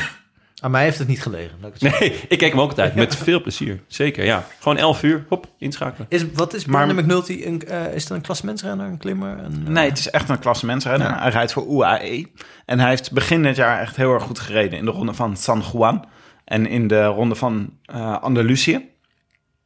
Dus eh, nou, het zou zo, zo serieus kunnen dat Is- hij eh, is een hij hun- outsider is. Is hij hun klassementsman? Eh, nou, eh, ze hebben... ehm, hoe heet hij ook weer, die andere Amerikaan? Ehm, Joe Dombrowski? ja, Dombrowski. Dat is, dat is nog zijn... eh, dat is de enige... Maar het is ook altijd handig om als je een dark horse zoekt... te zoeken naar iemand die niet echt een uitgesproken kopman heeft. Want dat betekent... Ja. Hij krijgt dus ook... McNulty krijgt een vrije rol in de Ja. ploeg. Omdat Dombrowski... Ja, je gaat niet acht man voor Dombrowski laten rijden. dat doe je gewoon niet. Nee, Eén ik- vind ik al veel, ja. ja. want ze hebben natuurlijk ook Gaviria en toch wel Ulissi ook. In ieder geval voor etappes. Ja. Ik denk Leuke niet dat, ploeg. Ja, ik denk niet dat Ulissi een klassement gaat rijden. Maar het kan zomaar met deze bezetting dat hij 18e wordt. Maar Dit is de ploeg van eh Pogacar. Hè? Ja. Dus eh, dat is wel, Zeker. eh, die kunnen gewoon weer een hele goede ploeg hier op de been brengen. absolutely. Heb jij nog een eh, leuke, Frank? Ja, ik heb één ploeg, bedacht ik me nu net even, en één renner. En de renner, de, de ploeg is Movistar, waar ik, de, waar ik de helft van de namen niet ken. En, Zo. eh, eh, waarvan ik denk dat die allemaal beter zijn dan alle namen die ik wel ken. Dus eh, ik denk echt dat Dat zullen we ze heel even noemen. Even de ploeg. eh, Ja, ja, ja. Ik heb hem hier. Cat- Cataldo. Ken jij die? Ja, die- Eh, Moet je even ja of nee Ja. erbij zetten? Ja, Ja, ja. Cataldo, ja. Ja, ik ook. Eh, Hec- Hector Carretero. nee, Nee, Nee. Antonio Pedrero. Ja. nee. Oh, wel. Ik hoor hier één ja. Eh Einer Augusto Rubio. nee. Nee. Nee, dat is een Nee. verzonnen naam. Ik wou net zeggen Einer. Ik denk dat dit de Willem is. Maar Dat, dus waarschijnlijk is dat gewoon met Google Translate niet goed gegaan. Van Einer, het is gewoon één. Eén Augusto Eén, eh, Augusto Rubio. Dat, dat kan bijna niet, lijkt mij. Zal je nu zien dat hij heel goed gaat rijden en terwijl je net mee geconfronteerd worden. Sergio Sametier, Nee. Nee. Spaans Sametier, hoe spreek je dat uit? Samitier? Sametier. Eduardo Sepulveda. Sepulveda, ja, zeker, die kennen we. Dat is een Argentijn, denk ik. Sterker nog, ja, zeker. die is ooit uit de Tour ges- eh, gezet. Waarom? Omdat hij, eh, volgens mij reed hij nog bij Arkea Samsic. Die was eh, toch een stukje meegereden in de ploegleiderswagen. van, volgens mij van AG dus R. Eh, het was namelijk zo, hij was gevallen en zijn fiets was kapot. Maar zijn, de ploegleiderswagen stond iets van, van, van zijn ploeg stond iets van 200 meter verderop. En toen, is hij, toen zei die gast van AG Geef me een ah slinger." joh, stap maar in. Dat is ook vet zuur als je met, met wiel, wielerschoenen 200 meter moet lopen. Het is echt een takken. en hij was toen volgens mij hun sterkste man voor het klassement ook. Maar ja, dat, de jury had het gezien. Ik schrijf hem op voor de Stelvio-etappe. Als het zo sneeuwt. Ja, En dan, dan heb je nog Albert Torres Nee. en Davide Vilela. Vilela, ja. Vilela. Ja, Viella. Vieja? Nou, het is een Italiaan trouwens. Het is een Italiaan. Viella. Ja. Ja. ja, het is eh, dezelfde vraag eigenlijk Dus als jij wil heel. Mobbystar worden Ja, heel Mobbystar. En, en, eh, en iemand die al volgens mij al vaker... Ik weet niet hoeveel jaar iemand meegaat als verrassing. Dus een beetje eh, aansluiten op wat je onder zei. Maar eh, eh, Masnada... Die Ja. inmiddels Ja. natuurlijk bij een van de grootste ploegen eh, van de wereld zit. En die ik ook had Quickstep. getipt om wereldkampioen eh, te worden afgelopen weekend. Eh, daar kwam die niet bij in de Is hij buurt. niet geworden trouwens. Nee, is niet geworden. Eh, maar goed, hij heeft zijn best gedaan. En eh, eh, ik weet niet precies belangrijk. wat voor soort renner het is. Ik weet alleen dat ik hem heel vaak in beeld zie in Ja. heuveletappes. Hij wint ook niet super vaak. Nee, Maar maar, hij is wel... het is gewoon een je hebt wel altijd het idee hele dat hij lekkere kan winnen. renner. Ja. Ja. Je hebt altijd het idee van, oeh, Masnada. Ja, Daar gaat ja, hij. Ja. Ja, schrijf nee. hem op en dan eh, is dat zinloos. Maar dan denk ik, Leuk. goed dat ik hem op opgeschreven. weet je, dat... Ja, Eh, Androni, ik- ik, ik- hem wil- van... eh, Bergklassementje, ja, bergklassementje zou die, is hij absoluut een, een, een kans hebben voor. Ik wil nog even terugkomen op Mobistar. Want ehm, eh, ik zag voor de Tour was er een lijstje van, van een erkend wielerliefhebber... dat mij werd doorgestuurd en, en daar stonden een aantal vragen van... eh, deze Tour heeft zoveel vragen van eh, hoe gaat die het doen... en wat gaat die doen en wie, wordt er, wie wordt de tweede garnituur... En een van de vragen was gewoon ergens in het midden was... Is, Why is Movistar here? en dat vond ik in de Tour al een uitstekende vraag. Ja. En als ik vandaag naar dit team kijk... Die Pedrero was vorig jaar goed hoor. Of twee jaar geleden. Dat is echt een goede renner. Die, Ja? was toen, eh, die heeft toen Carapaz best wel... Volgens mij als enige eh, oprecht geholpen. De rest, ja, de rest allemaal met een dubbele agenda natuurlijk. Ja, ja. Nou, hij heeft, dit jaar is Pedrero ehm 53ste geworden in de ronde van Murcia. Dat is opbouw. Eh 26ste in de Ruta del Sol. Dus inderdaad, er zit Ja. verbetering. Toen werd een klein coronadipje in de Vuelta Burgos naar de 64ste plek. En in het criterium Dauphiné 48ste. en dan nog twee Italiaanse kutkoersjes. waar Nee, die ja, maar 78 jongen, en 67 Nee, maar wordt. dit is echt scorebordjournalistiek. scorebordjournalistiek. Ja, inderdaad. Einvoelen und verstehen. Oké. Frank die zit gewoon voor zijn tv. Hij ziet hem rijden en hij denkt, dit is er een. Hij denkt, zie. Dit is een raspaardje. Ik, Ja, denk- oké, ik denk ja. dat hij ook gewoon, zeg maar, wat, wat ze bij Jumbo-Visma niet goed deden, namelijk dat ze al die knechten nog eh, lieten doorrijden tot de finish. Ja. Eh, dat doet hij niet. Hij laat zich, hij parkeert. En- nee, maar hij was echt goed in de, Ja. in de Giro van Carapaz. Ik heb hier wel vertrouwen in. In de rest van de ploeg heb ik gewoon zin. Niet per Ja. se vertrouwen. Oké jongens, eh, ik vind het van het leuke. We vroegen ook van tevoren, Frank, aan jou. eh, renner die gaat falen deze Giro. Dat vinden we namelijk altijd een leuke categorie. Ja, En toen zei jij, Victor Kampenaert. ja. Ja, dat vind ik leuk. vind ik leuk. Vind ik leuk als hij faalt. Leuke keuze. Ja, ja, vind je dat leuk? Want het is meer, het is meer een vrees dan een, eh, een hoop Ja? hoor. Dat hij, eh, want ik, Ik weet het niet. Ik vind volg het- je zijn vlogs? Nee. Dat moet je wel doen. Zijn het is dat een ja, aanrader? het ik duurde wel lang. Ik vind het echt een rare... Duurt lang, maar wel Ja. Ik vind het echt een rare quibus. En ik vind het een beetje een gemaakte tijdrijder, om heel eerlijk te zijn. Ja, maar beide spreken, dat vind Ja. ik ook allebei. Ja. En dat spreekt dus wat mij Het betreft spreekt heel erg voor. hem. Ja, ja. ja. Oké. Ik, weet- ik weet niet, eh, eh, ik heb hetzelfde met... eh, nou, je had vroeger die, die keeper van PSV, Jeroen Zoet. Ook dat waterreus. Ja, ja ook. Van, weet je, dat, hij, dat je het heerlijk vindt als hij faalt. Het zal best een prima peer zijn, maar als het... Ja, Ja, maar dit heeft Frank dus niet, hè? nee, oké. Nee, nee, wat- maar je kan het met sommige dat mensen wel helpen. Eh, nou, ja, gewoon omdat hij zich helemaal op tijdrijden mag focussen. Volgens mij ook nauwelijks aan andere wedstrijden eh, hoeft mee te doen. Of een heel eigen Ja. programma heeft. Was in ieder geval zo. Eh, en die, nu zijn er drie tijdritten. Dus dan denk ik, nou, dit is zijn grote ronde. Nu, eh, nu moet hij een keer iets winnen. En nu starten alle goede tijdrijders, eh, behalve Dumoulin, maar in ieder geval Thomas, Ganna, Dennis, die volgens mij echt een klasse beter zijn. Dat zag Ja. je ook wel in, de, in, de, in het WK. Hij wordt achtste, Kampenaar. Achtste werd Dit WK. hij, ja. Terwijl het echt een WK was waarin hij Ja, goed zou ja. moeten zijn. En nee, goed. En dus hij, en hij legt het dus af tegen, in principe aan al die tijdritten tegen minstens drie, maar misschien wel vier, vijf mensen. En dat, nou, dat is dan sneu, want eigenlijk doet hij voor de rest, doet hij natuurlijk niet zoveel voor de ploeg. Want hij is inderdaad Ja. een beetje rare kwiebus, staat een beetje op zichzelf. Knecht denk ik minder dan sommige andere mensen. Ja, maar hij toch een status apart heeft. wat moet je dan met zo'n gast in de ploeg? Want uiteindelijk winnen...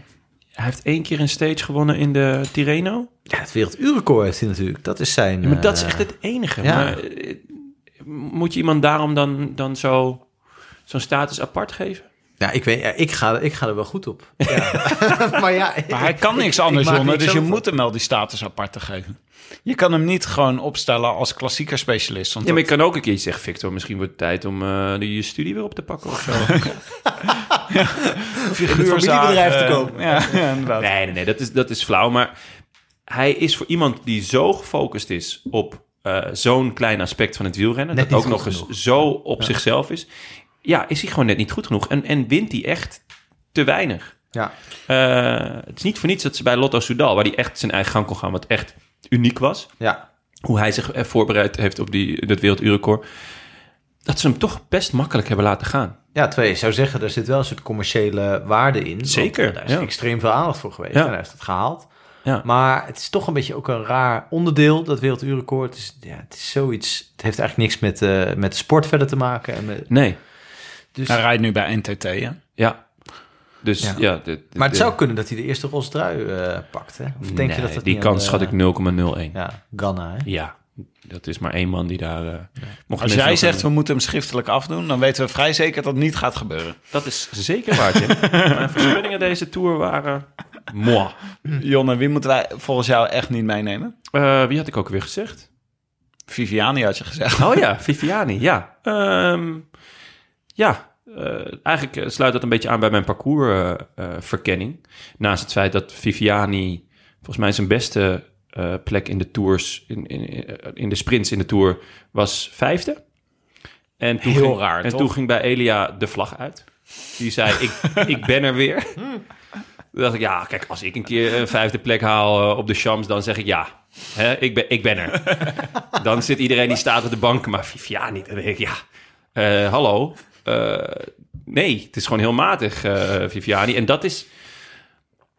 Hij, ik denk dat hij heel zwaar getroffen is. eh, en met hem veel Italianen door, door corona. Ze hebben gewoon echt niet naar buiten gemogen. Niet mogen trainen. Oh, En ja. dus, dus er, er is nog goede hoop dat hij met de Tour in de benen nu dus echt weer mee kan gaan doen om de knikkers. Maar als je dan kijkt naar het, ehm, eh, naar het parcours, ja, dan wordt het één bak ellende voor hem. Want hij is niet iemand die, die nou makkelijk een berg over gaat. Maar over corona, hè? De, de Giro-organisatie... die eh, voelt niet zo heel veel voor coronamaatregelen. Toch? Die zeggen van, eh, ja, je hoeft niet per se... eh, mensen mogen langs het parcours staan. Ja, je moet, als het druk wordt, moet je mondkapje op. Echt? Dus ja, dan moet je zelf maar beslissen of je vindt dat het druk wordt of niet. Ze zeggen ook, ehm, nee, je hoeft niet met twee coronagevallen... gelijk als hele ploeg de ja, Giro dat was uit. ik ook, ja. Nee, je mag gewoon echt, als het gortig wordt... Dan moet je met je hele ploeg eruit. Maar wat gortig precies is... Dan zijn ze in. Italië nog niet achter. Ja. Dan moet ik wel zeggen dat het eh coronatechnisch best goed gaat in Italië. Als je het vergelijkt met Ja. eh, de landen eromheen. Ja, maar ja, het Ehm, hele idee van corona is natuurlijk dat het weer kan oplaaien. Ja. Dus dat je dat als het ware voor moet zijn. Ja, Ja, dat Ja. is toch iets heel geks de eigenlijk. Giro-organisatie is daar niet heel erg, Ja. heel erg druk mee bezig. Het Nou. rare bij Viviani was wel dat dit, dat volgens mij hij zelf dit praktisch voorspelde. Eh, eh, of misschien hij zelf nog net niet, maar in ieder geval toen hij van Quickstep naar eh Ja. ging, dat iedereen zei: Oké, nou hij gaat nu heel veel geld verdienen. Het is, eh, het, is, eh, het is een beetje gebeurd met zijn carrière. Ja. En dat dat een soort rare self-fulfilling prophecy is gewe- ge- geweest. Waar, ja, ik snapte ook eerlijk gezegd niet waarom hij wegging. Nou, moest waarschijnlijk weg, toch? Omdat eh, Bennett kwam. Nee hoor. Als hij eh, had, nee, het was eh, andersom, denk ik. Het was andersom. Hij ging Ja. voor het grote geld. Eh, hij kon daar kopman zijn in alles wat hij wou. En hij had bij Quickstep had hij de concurrenties van Jacobs en Hodge. En dat waren natuurlijk twee, dat zijn twee topsprinters in de dop. Ehm, en daardoor kreeg hij niet de garantie, volgens mij, dat hij alles kon rijden wat hij wou. Hodge? Hodge. Niet Hodek. Hodek. Hodge. Oh, oké, pardon. Ja, ik, ik zeg altijd Hodge. Hodge, volgens mij. Ja, dat zeggen het heel is- veel mensen. Maar Ja, het wat is een? Colombiaan. Ja. Ho- Hodet. Hodetti al. Oh, we kregen laatst kregen we er niet een mail over dat je dat, dat als het Zuid-Amerikaans is, dat je het zangeriger uit moet spreken. Hodet. Hodek. Hodet. Misschien, ja.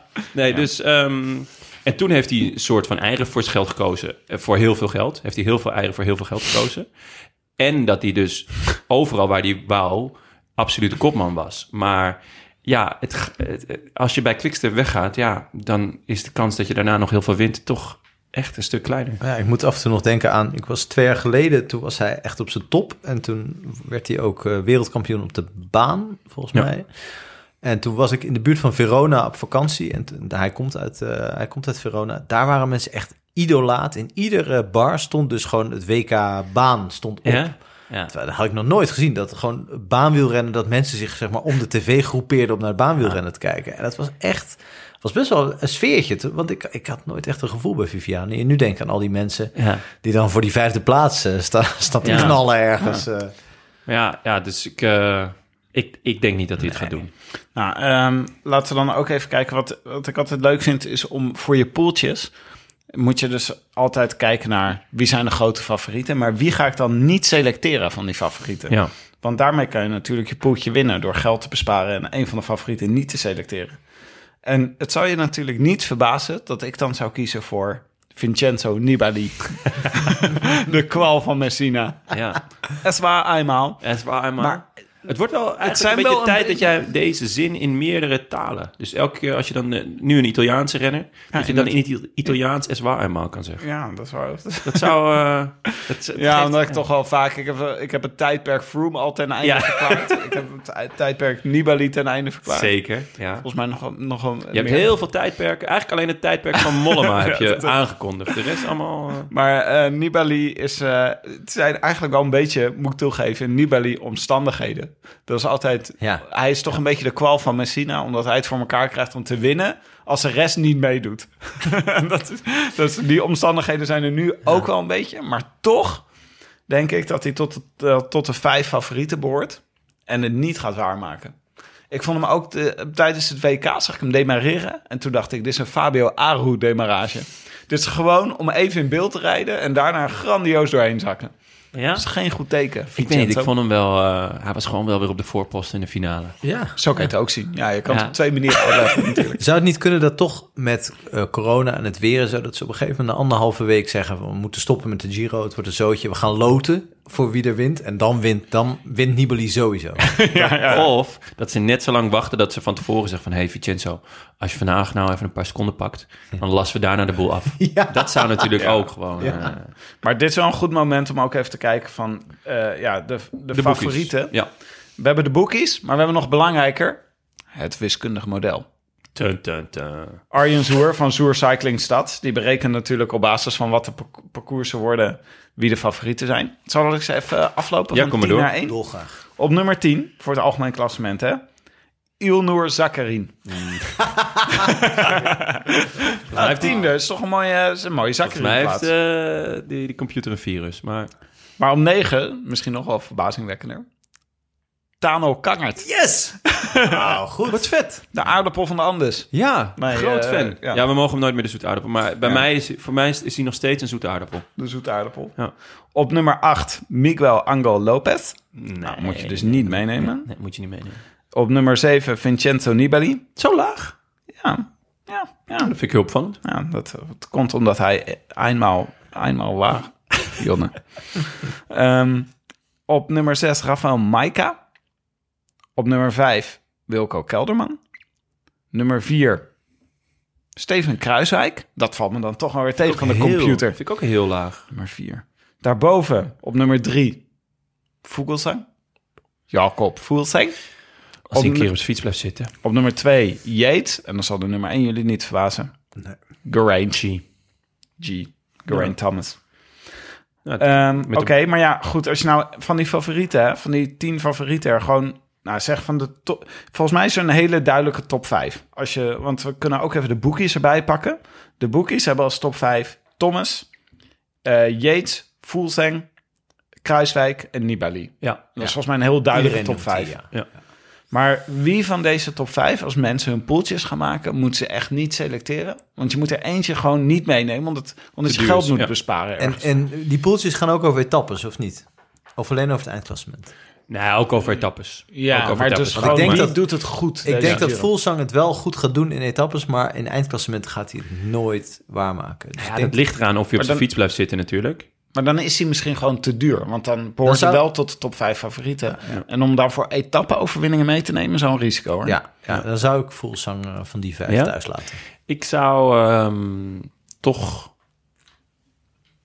voor Nibali gaan, denk ik. Ook, ook voor de kwal. Jonne, kom in mijn armen. Het is zo'n mooi moment. Ehm, ja. Ja. Nibali of Kruiswijk zijn voor mij gewoon echt vraagtekens. Nibali was heel matig in de Tirreno. Was wel alweer beter in, op het WK. En Kruiswijk, ja, het is toch gewoon echt afwachten hoe hij van die valpartij Maar- is hersteld. Stel je voor, slagregens, herfststorm, sneeuwbuien. En dan, Ja. wie van die vijf gaat het dan het beste doen? Is er eigenlijk maar één die het overleeft. En dat is Nibali. Ja, dat is wel waar. Ja, ja, dat, is, dat is zeker waar. Ja, alle omstandigheden zijn pro Schreeuwen Nibali. Ja. Ja, ja. voeltje, ja. Ja, nee, oké. Ik, eh, ik switch. Ik ga ook naar voetbalzang. Ja, dat zijn. Oké, dus eh, dan rest mij de vraag: wie wint deze Giro? Frank. Ehm, de, de logica gebiedt me te zeggen... Top, nee, Kruis, Kruiswijk. dat is de logica. Niet het hart, maar de logica. Ik was even, ik was even in strijd. Ja, ja. Hoezo? Waar ging je strijd tussen?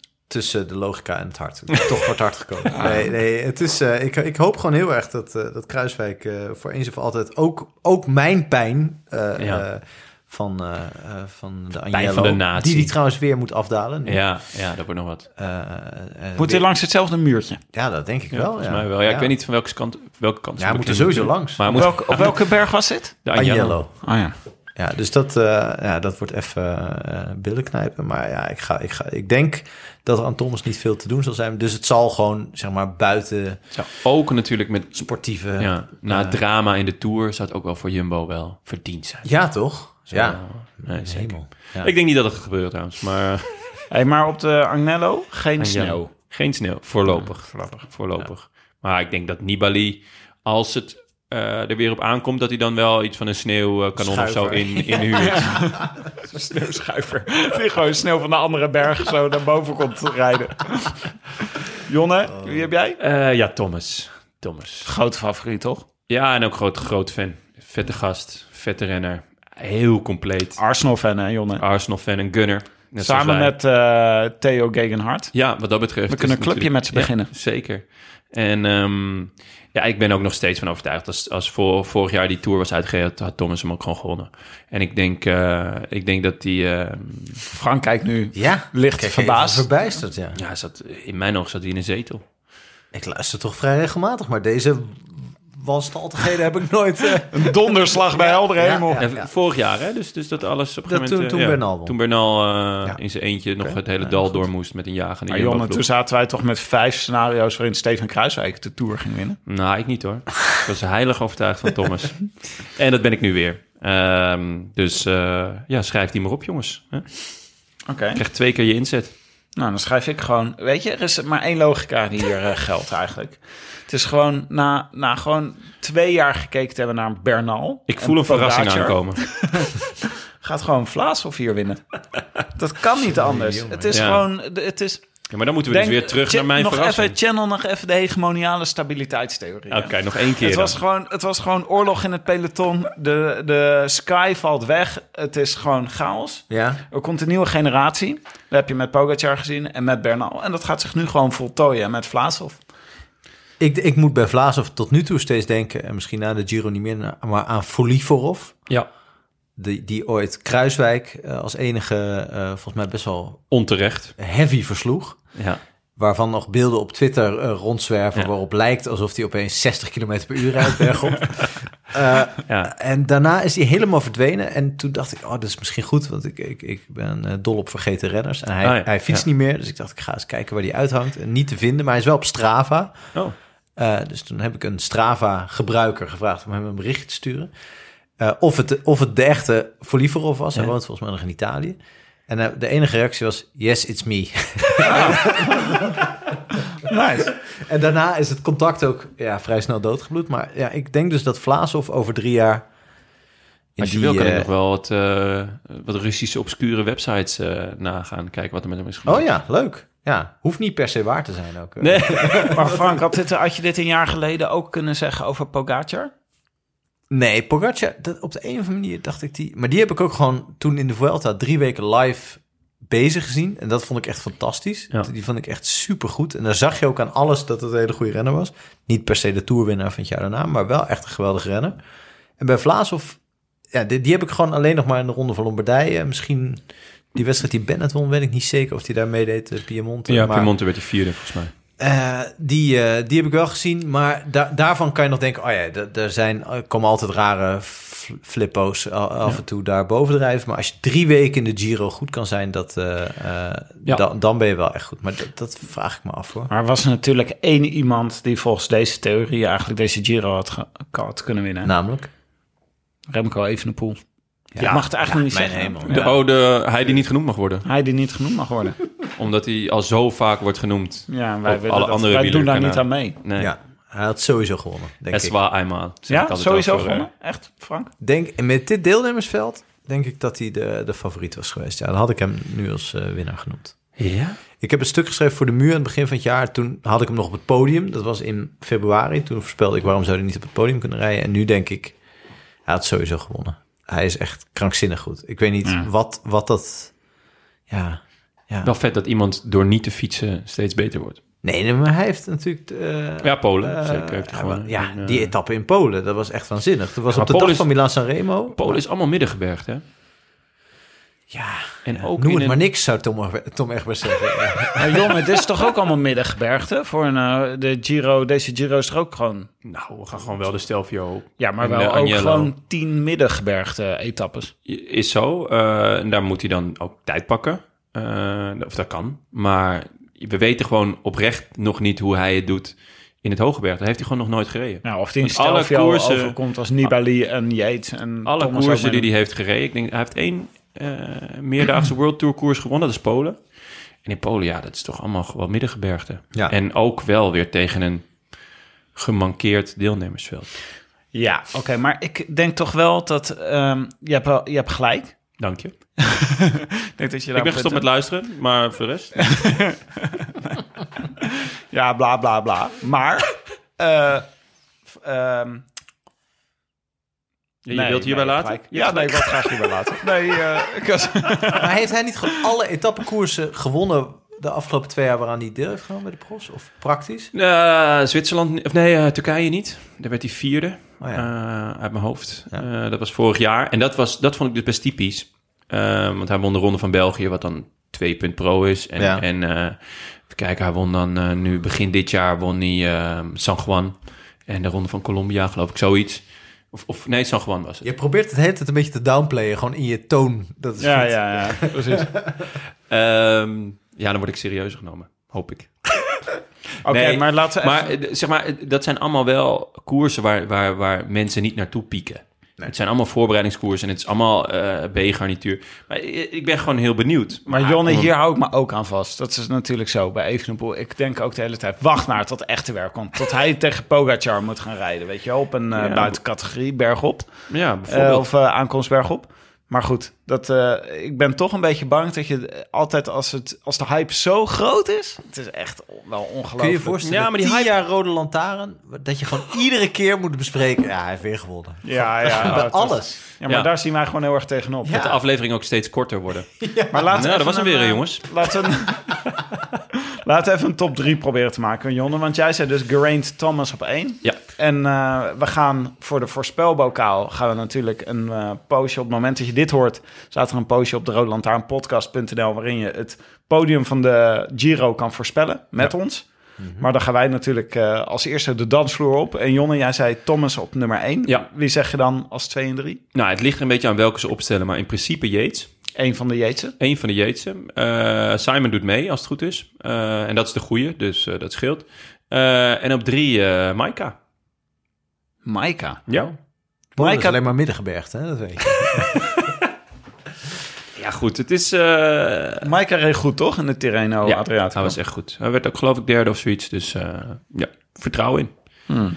En anders eh, dan eh ontslagen, we- Ik ontslagen heb het gevoel dat Maika zijn echte klassementsambities een beetje heeft opgegeven. Nee, nee, nee, nee, nee. nee. Nee? Nee, die gaat deze Giro echt... eh, Frank, eh, Frank knikt, eh, ja, ja, enthousiast. Ja.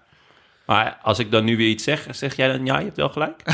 dan ga ik nu nog een aantal dingen aandragen waarom niet als je maar lang genoeg doorpraat, geef ik op en zeg ik ja, je hebt gelijk. Oké. nou, daar wil ik het graag bij laten. Oké, ja, nou ja, Mike. Ja, ik, eh, in dit deelnemersveld eh, moet hij dat... eh, moet hij, Maar volgend jaar moet hij gaan knechten voor Pogacar. Nou, maar dat is natuurlijk niet helemaal waar. Ehm, tenminste, dat, dat eh, doet niks af aan zijn eigen klassementsambities. Kijk, Pogba gaat eh, de Tour rijden, waar hij prima knecht kan zijn. En dan gaat hij zelf de Giro of de Vuelta rijden. Dat doet hij al jaren. En dat doet hij eigenlijk al jaren heel steady. Hij wordt meestal zesde. Maar omdat dit jaar dus het, eh, het, het deelnemersveld een stuk minder is, wordt hij derde. Mooi. Oké. Frank, je Spel hebt zie Kruiswijk op nou, daar heb je één. het al. Eh, Kruiswijk op 1. En dan eh, het verstand op 2. Thomas. Eh, en, eh, en Nibali met een gezicht als een oorworm op 3. Ja. Oh, daar verheug ik me op. Nibali met het gezicht van de oorworm is mijn lievelings Nibali. Ja, dat is wel echt, echt een heb je best wel vaak een goede dag. Ja. Nee, ik ben, ik ben eigenlijk groot fan van Nibali. Maar ik, eh, tegen Kruiswijk moet hij het één keer afleggen... gewoon om, de alle, om het heelal weer een beetje in balans te krijgen. Ja, kosmische gerechtigheid. Dat zou wel lekker zijn, dat aan het eind van deze Giro het heelal weer in balans is. Ja. ja. Nou, dan compliment, compl- eh, complementeer ik het podium met uh, dus Vlaashoff op nummer 1. Waarom lachen jullie? Ja, omdat ik gelijk heb. Ja, maar dit is een hele goede... Ik heb Nee. een goede onderbouwing hiervoor. Zeker. Ja. Kruiswijk op 2. Steady. Kruiswijk steady. Dus gewoon steady. Stabieler dan een driewieler. Geraint Thomas wordt een beetje... Ja, die had het waar moeten maken. Maar ik durf bijna niet te zeggen. ik zeg het dan ook niet. Maar eh, nee, derde. Oké. Zal ik eh, die van Willem... Ik denk dat hij eh, wel teleurgesteld is als hij derde wordt. Heb je die van- Thomas? Oh, als die jou hoort. Ja. Ja, als hij mij hoort. Ja. Zeker, ja. Moet je net eh Geraint- hebben. Heb je het, Willem ook? Willem heb ik bij de hand. Jij zegt eh, op één Thomas. Twee Kelderman. Je ziet dat daar ook het verstand duidelijk eh, de boventoon heeft gevoerd. En op drie eh, Nibali. Interessant. Oké. Vincenzo. Wel, interessant podium. Vanaf Ja. het strafbankje. Nou ja, goed. Eh, dus dat is de, de voorspelbokaal voor eh, eh, de hele Giro. Dan hebben we ook nog een voorspelbokaal voor... We doen de tweede etappe, jongens. Zondag. Heb je daar iets meer informatie over? Wat voor etappe is die tweede? Het is voor de puncheurs. Dus eh, er zit een klim in eh, van, eh, nou, ik geloof een kilometer of drie helemaal op het eind. Tot de finish. Ja, tot de finish. Eh, Procentje of vier, toch? Is het? In 4, 5 procent. Dus het is een beetje de vraag van... oké, wie, gaat dat, eh, wie gaat dat volhouden? Wordt dat dan nog net iets voor eh, de sprinters? De goed klimmende sprinters? Of ehm, wordt het al iets eh, voor de puncheurs? En ik zeg uh, Ulissi. Ik denk dat het net iets meer voor de puncheurs is... dan voor de, dan voor de Matthews en de Sagans van deze wereld. Wat zeggen jullie, jongens? De Maar. Arnaud? Ja. Oh, Ja, leuk. ik, hij, hij was echt krankzinnig goed tijdens de Tour Ja, en ja. allerlei andere wedstrijden. Overal waar die... eh, alles. ja, ja, ja. Eh, dat is alweer even geleden, maar ik hoop dat hij het nog even doortrekt. Want ik vond het sneu dat hij niet eh, bij de Tour was. ja de Toch? eeuwig zonde. Ja. Ja, klopt. Ja. Leuk dat ze voor Pinot kozen. Maar ja, goed. eh, maar die... we weten allemaal hoe dat is afgelopen. Ja, Willem eh, voor de administratie eh, schreef hier op Blink Matthews. Matthews. Matthews. Ja. Even hoe? Ja, ja ik dacht eh João Almeida. Leuk, leuke Eh, keus. een van de redenen is dat hij al het hele jaar naar verluid heel goed rijdt. Want ik zie hem de hele tijd in Pro Cycling Stad heel erg hoog staan. en ik dacht, nou, dit is toch echt een etappe. Als je het goed doet op Pro Cycling Stad. Nou, dan Ja. is dit een etappe die je opschrijft. Ja, zeker. Net voordat hij moet gaan knechten de komende tien jaar voor, eh voor, Voor eh, fenomeen. Ja. Hij die niet genoemd. Maar hij is dus gewoon kopman van, eh van Quickstep. En het is een beetje bij deze etappe de vraag of gelijk... Is hij kopman, ja? Ja, volgens mij de Ik heb namelijk het gevoel dat het James Knox is. Ja, dat zou ook kunnen. Ik, eh, James Knox vorig jaar elfde geworden in de Vuelta. En eh, ik denk dat, dat Almeida nog, nog eh, de ruimte krijgt om lekker eh, etappes te winnen. En ik denk echt dat ze voor Knox gaan. Maar ik kan me vergissen. Maar ik moet dat bekennen over Almeida. Ik had het er voor deze aflevering even met Frank over. Maar ik heb hem gewoon nog niet in beeld zien rijden. ik ook niet. Had dat gekund? Goeie vraag. het is gewoon zo... eh, Ik heb hem al wel eens gezien, ja. Maar ehm, dat was gewoon op straat. Oh ja. Dat fiets ik toevallig achter. ja, je zag hem langs fietsen. Maar ik, ja, dan, het lijkt me wel erg eh, mooi, erg ironisch als hij dan hier wint. Een mooie, mooie bekentenis. Ehm, wil, wil je meedoen? Dat kan. eh, via de Lantaarn op Facebook. Nee, niet op Facebook. Huh? Ja, dat kan. Ja, Ook wel leuk. Nee, op eh de roodlantaarnpodcast.nl. Ja, ik wou net zeggen, het- Facebook is echt al jaren uit, jongens. Ik zit er nog op. ik heb er nooit op gezeten, dus ik weet het niet. Eh, maar dat is een, eh, een gekke aankondiging. De rolandtaarnpodcast.nl. Daar kan je eh, meedoen. En graag zelfs, want eh, dat is ook eh, eh, de voornaamste site die wij checken. Ehm, de voorspelbokaal van het WK werd gewonnen door Klimschaap68. Oftewel Erik Gommer. En die eh, mocht dus de groetjes doen. Daar gaan we nu even naar luisteren. Beste bankzitters, hier Klimschaap 68. Een Drent die in Limburg graag de heuvels opfietst. 68 is natuurlijk het jaar waarin Jan Jansen de Tour de France won. En het is tevens mijn geboortejaar. Normaal ga ik als Erik Gommer door het leven, maar ik vond het afgelopen vrijdag wel leuk om een nicknaam te verzinnen. Ik deed dus voor de eerste keer mee met de voorspelbokaal en het was meteen raak. Ik voel me dan ook zeer vereerd hier de groetjes te mogen doen en het eeuwig opscheprecht te verwerven. Allereerst natuurlijk de groetjes aan mijn kanjes Bram en Esther. Verder aan al mijn wielervrienden van WTC Vetman, van IJzer tot Maarland altijd nuchter en het MMC Cycling Team. Een speciale groet aan Patrick Jansen, die mij het natje 1912 van de Mont Ventoux bracht, en aan Gosse van der Meer, die zich terugvecht in de top 50 van de UCI Cyclocross ranglijst. Tot slot, voor woensdag voorspel ik dat Anna van der Breggen voor de zesde keer op rij de Waalse Pijl gaat winnen. Helaas zal het vanwege corona de eerste keer zijn dat ik er zelf niet live bij ben. Jullie veel succes met de show en ik blijf uiteraard trouwe luisteraar. Oh, Klimschaap 68. Wat een schitterende nicknaam. En, en had een hele goede nicknaam. En hij had het ook goed, hè, met Anne van der Breggen. ja, zeker. Wat is nou? Laatste vijf koersen waar ze mee heeft gedaan, gewoon gewonnen. Ja, maar dat geldt ook voor Van Vleuten. Dan wordt het een beetje verwarrend. Ik vind dit een fantastische rubriek. Die, de groetjes, hè? Ja. ja. Ja, dat is echt... Ik word er elke keer weer zo gelukkig van. Het waren, waren het is hartverwarmende goed. Wil jij nog de groetjes doen aan iemand, Frank? Eh, dat mag ik niet van mijn geloof, helaas. Oeh, ja, oh, ben je geen goedjesmens? Geen Nee, man. Nee, nee, we nee. Hebben we het wel eens eerder over gehad. uitgebreid over gehad. mijn Dat is. Ja. is het daar begonnen? Dat mensen zich ineens begonnen te distancieren? Ik geloof het wel. Ja, Ik zeker. wel. Daar kwam eh, Oh. de anti-hype. Waar- Dat we allemaal mailtjes kregen met... eh, ik ben geen goedjesmens. Frank, ik was het helemaal vergeten. Maar wat doen we dan hier? Ja. Goeie vraag. Hm. In ieder geval, we komen in ieder geval niet de groetjes doen. Nee, Nee, dat, nee, eh, en ook niet halen. Maar het is, eh, nou ja, goed. Eh, eh, desalniettemin vind ik het een hele leuke rubriek. Ondanks de, Dat je de zelf... insteek. Oké. Eh, u luisterde naar de Roland Taarn, gepresenteerd door uw favoriete bankzitters. Eh, Tim de Gier, ikzelf en Frank Heijnen. Frank Heijnen, superleuk dat je er was. Dankjewel. Eh, veel dank aan onze sponsoren. Scorito en Canyon, hashtag fiets van de show. En eh, de vrienden van de show, bijvoorbeeld Sjaak van Haaster, Hartger Wassink, Lodewijk Blijerveld, Loek Kasteleins en Jules Hombelen. Ja, maar als jij het uitspreekt, klinkt het ook altijd als verzonnen naam, hoor. Het komt ook door de manier waarop je het uitspreekt. maar joh. Jules Hobbelen. Jules Hombelen. Nou, ik vind dat een goede naam.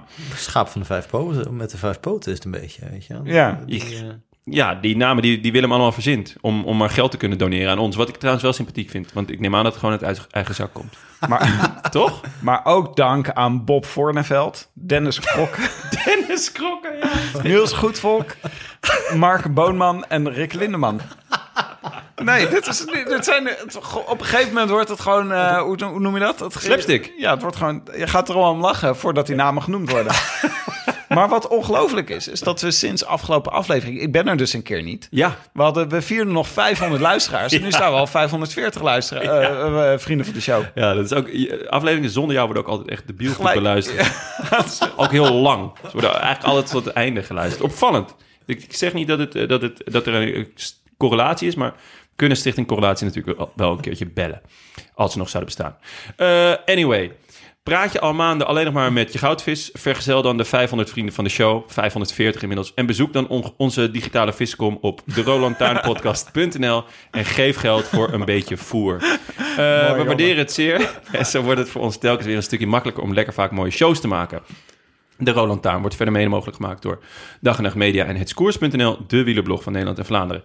Wij danken hen voor de steun op vele fronten. En in het bijzonder Bastiaan Kajaar, Maarten Visser, Leon Geuyen en notaris Bas van Eyck. Tevens gediplomeerd brandweerman te Maden in rusten of niet? Ja, Er zijn, er zijn te weinig branden. Er zijn te weinig branden. De geruchten gaan er ook wel dat Willem voor het laatst gezien is met een, eh, met een aansteker. Jack en een aansteker. Ja, er is misschien ook inderdaad wel een verband dat Willem er vandaag niet is. En eh, dat er wellicht eh, al dan niet morgen een brand is eh, in eh Maden. eh, of in Drimmelen, dat zou nog beter zijn waarschijnlijk. Eh, in ieder geval in die regio. Wil je reageren op deze Roland Taart? Dat kan via vele wegen. Je kunt ons sowieso vinden op Facebook en Twitter. Eh, maar je mag ook mailen naar groetjes En we vinden het superleuk als je eens een review achter wil laten op iTunes. Omdat we ze zelf leuk vinden, maar ook omdat ze anderen helpen de show te vinden. Tim, hebben we er nog eentje? Ja, zeker. Een eh vijf sterren recensie van eh, Ma. Oh! Toch, elke keer maakt Maarten weer Ja. een sprongetje. Nee. Ah, ik vind het leuk als Do het recenseert. dat zijn Do. echt mijn favoriete Do recensies. en Ma. Ja. Nee, dit is van Pedaleur. Koers plus humor heet de recensie. Een podcast over de koers met humor. Kortom, de Bram Tankink onder de podcast. ja, Dat is veel leuke reacties hè, op, op tank. Dat is echt schitterend. Deze baasjes zouden een award moeten winnen. Maakt mij niet zoveel uit welke. Nou, dat is ook een televisiering wel leuk. Dus, ja, zeker. Of eh, ehm, TMF Award. Een TMF Zou Award. ik echt schitterend Dat is leuk. Ja, Ja, dat eh, Sonja Silva hem uitreikt. Die was van MTV. ik. ja. Nee, nee, staat ook bij TMF. Zeker, ja, ja daar begon ze. Maar Van Pedaleur, die zegt dus... Tip, probeer je vrouw niet alles uit te leggen waarom je lacht. Daar, daar hem niet worden. Een Brabo, blijkbaar. Ja, duidelijk. Wij zijn er zondag weer met een terugblik op het eerste weekend van de Giro. En natuurlijk La Doyenne. Oh, Luik, Bastenaken, Luik is natuurlijk tegelijk met onze rit zondag met de punch. Ja, zeker. dan- Welke ga jij kijken? We moeten een beetje verdelen. Ik kijk allebei. Kijk jij de rest? Ja, jij zei toch dat ik in, eh, op Eurosport Giro moest kijken... en dan in de reclame genoeg Ja. kon zien van La Doyenne. Namelijk Ja. 60% had je uitgegeven. 60% kan je in de reclames van Eurosport kijken. Oh, wat goed. Dus eh, ja, Ja, dat is echt maar schitterend. dan mis je wel alle reclames van Eurosport. Dat is trouwens wel zonde, ja. Maar is misschien, waarschijnlijk kan je die nog wel terugkijken. Eurosport kennende. Ja, op de Eurosport Player. Ja, op de Eurosport Player kan je gewoon alleen maar reclames, uninterrupted reclames. Met commentaar, Met commentaar van, Karsten Karsten Kroon. Ik zou ervoor gaan zitten. Ik zou ervoor gaan zitten. Dat zou ik echt eh, schitterend Ik vinden. ben wel echt benieuwd wat eh, Jeruzalem eh, eh, dit jaar Tel uit de kast... eh, oh nee, Tel Aviv, sorry. Two cities, One one, break. One break. Ja, dit dat- jaar uit de kast heeft getrokken. Ik, ik hoop gewoon weer... eh, ja, het kan alleen maar kwaliteit zijn, toch? Two cities, one break. Maar was dat alleen maar omdat toen de, de Giro ook startte in eh, Israël? Of krijgen we hem nu dit Maar dat jaar is, al, dat is al langer. Nee, dat was, dat was vorig jaar natuurlijk. Dus- Vorig jaar, maar daarvoor was hij ook al hoor. Het is, het is, en het staat ook op de eh, pakjes van Israël Cycling Nation. staat ook two, two cities, one break. weer? Nou, ik hoop dat hij er weer is. Ja, en ik hoop vooral dat eh, Bora de, eindelijk zijn creatieve kant weer heeft aangesproken. Ja, met, met, de, eh, met de Sagan. eh, Ja. I love this cooking revolution. Oké, tot zondag. Tot zondag, a bientôt. A biento. I wish I could be in the south of France. In the south of France. Sitting right next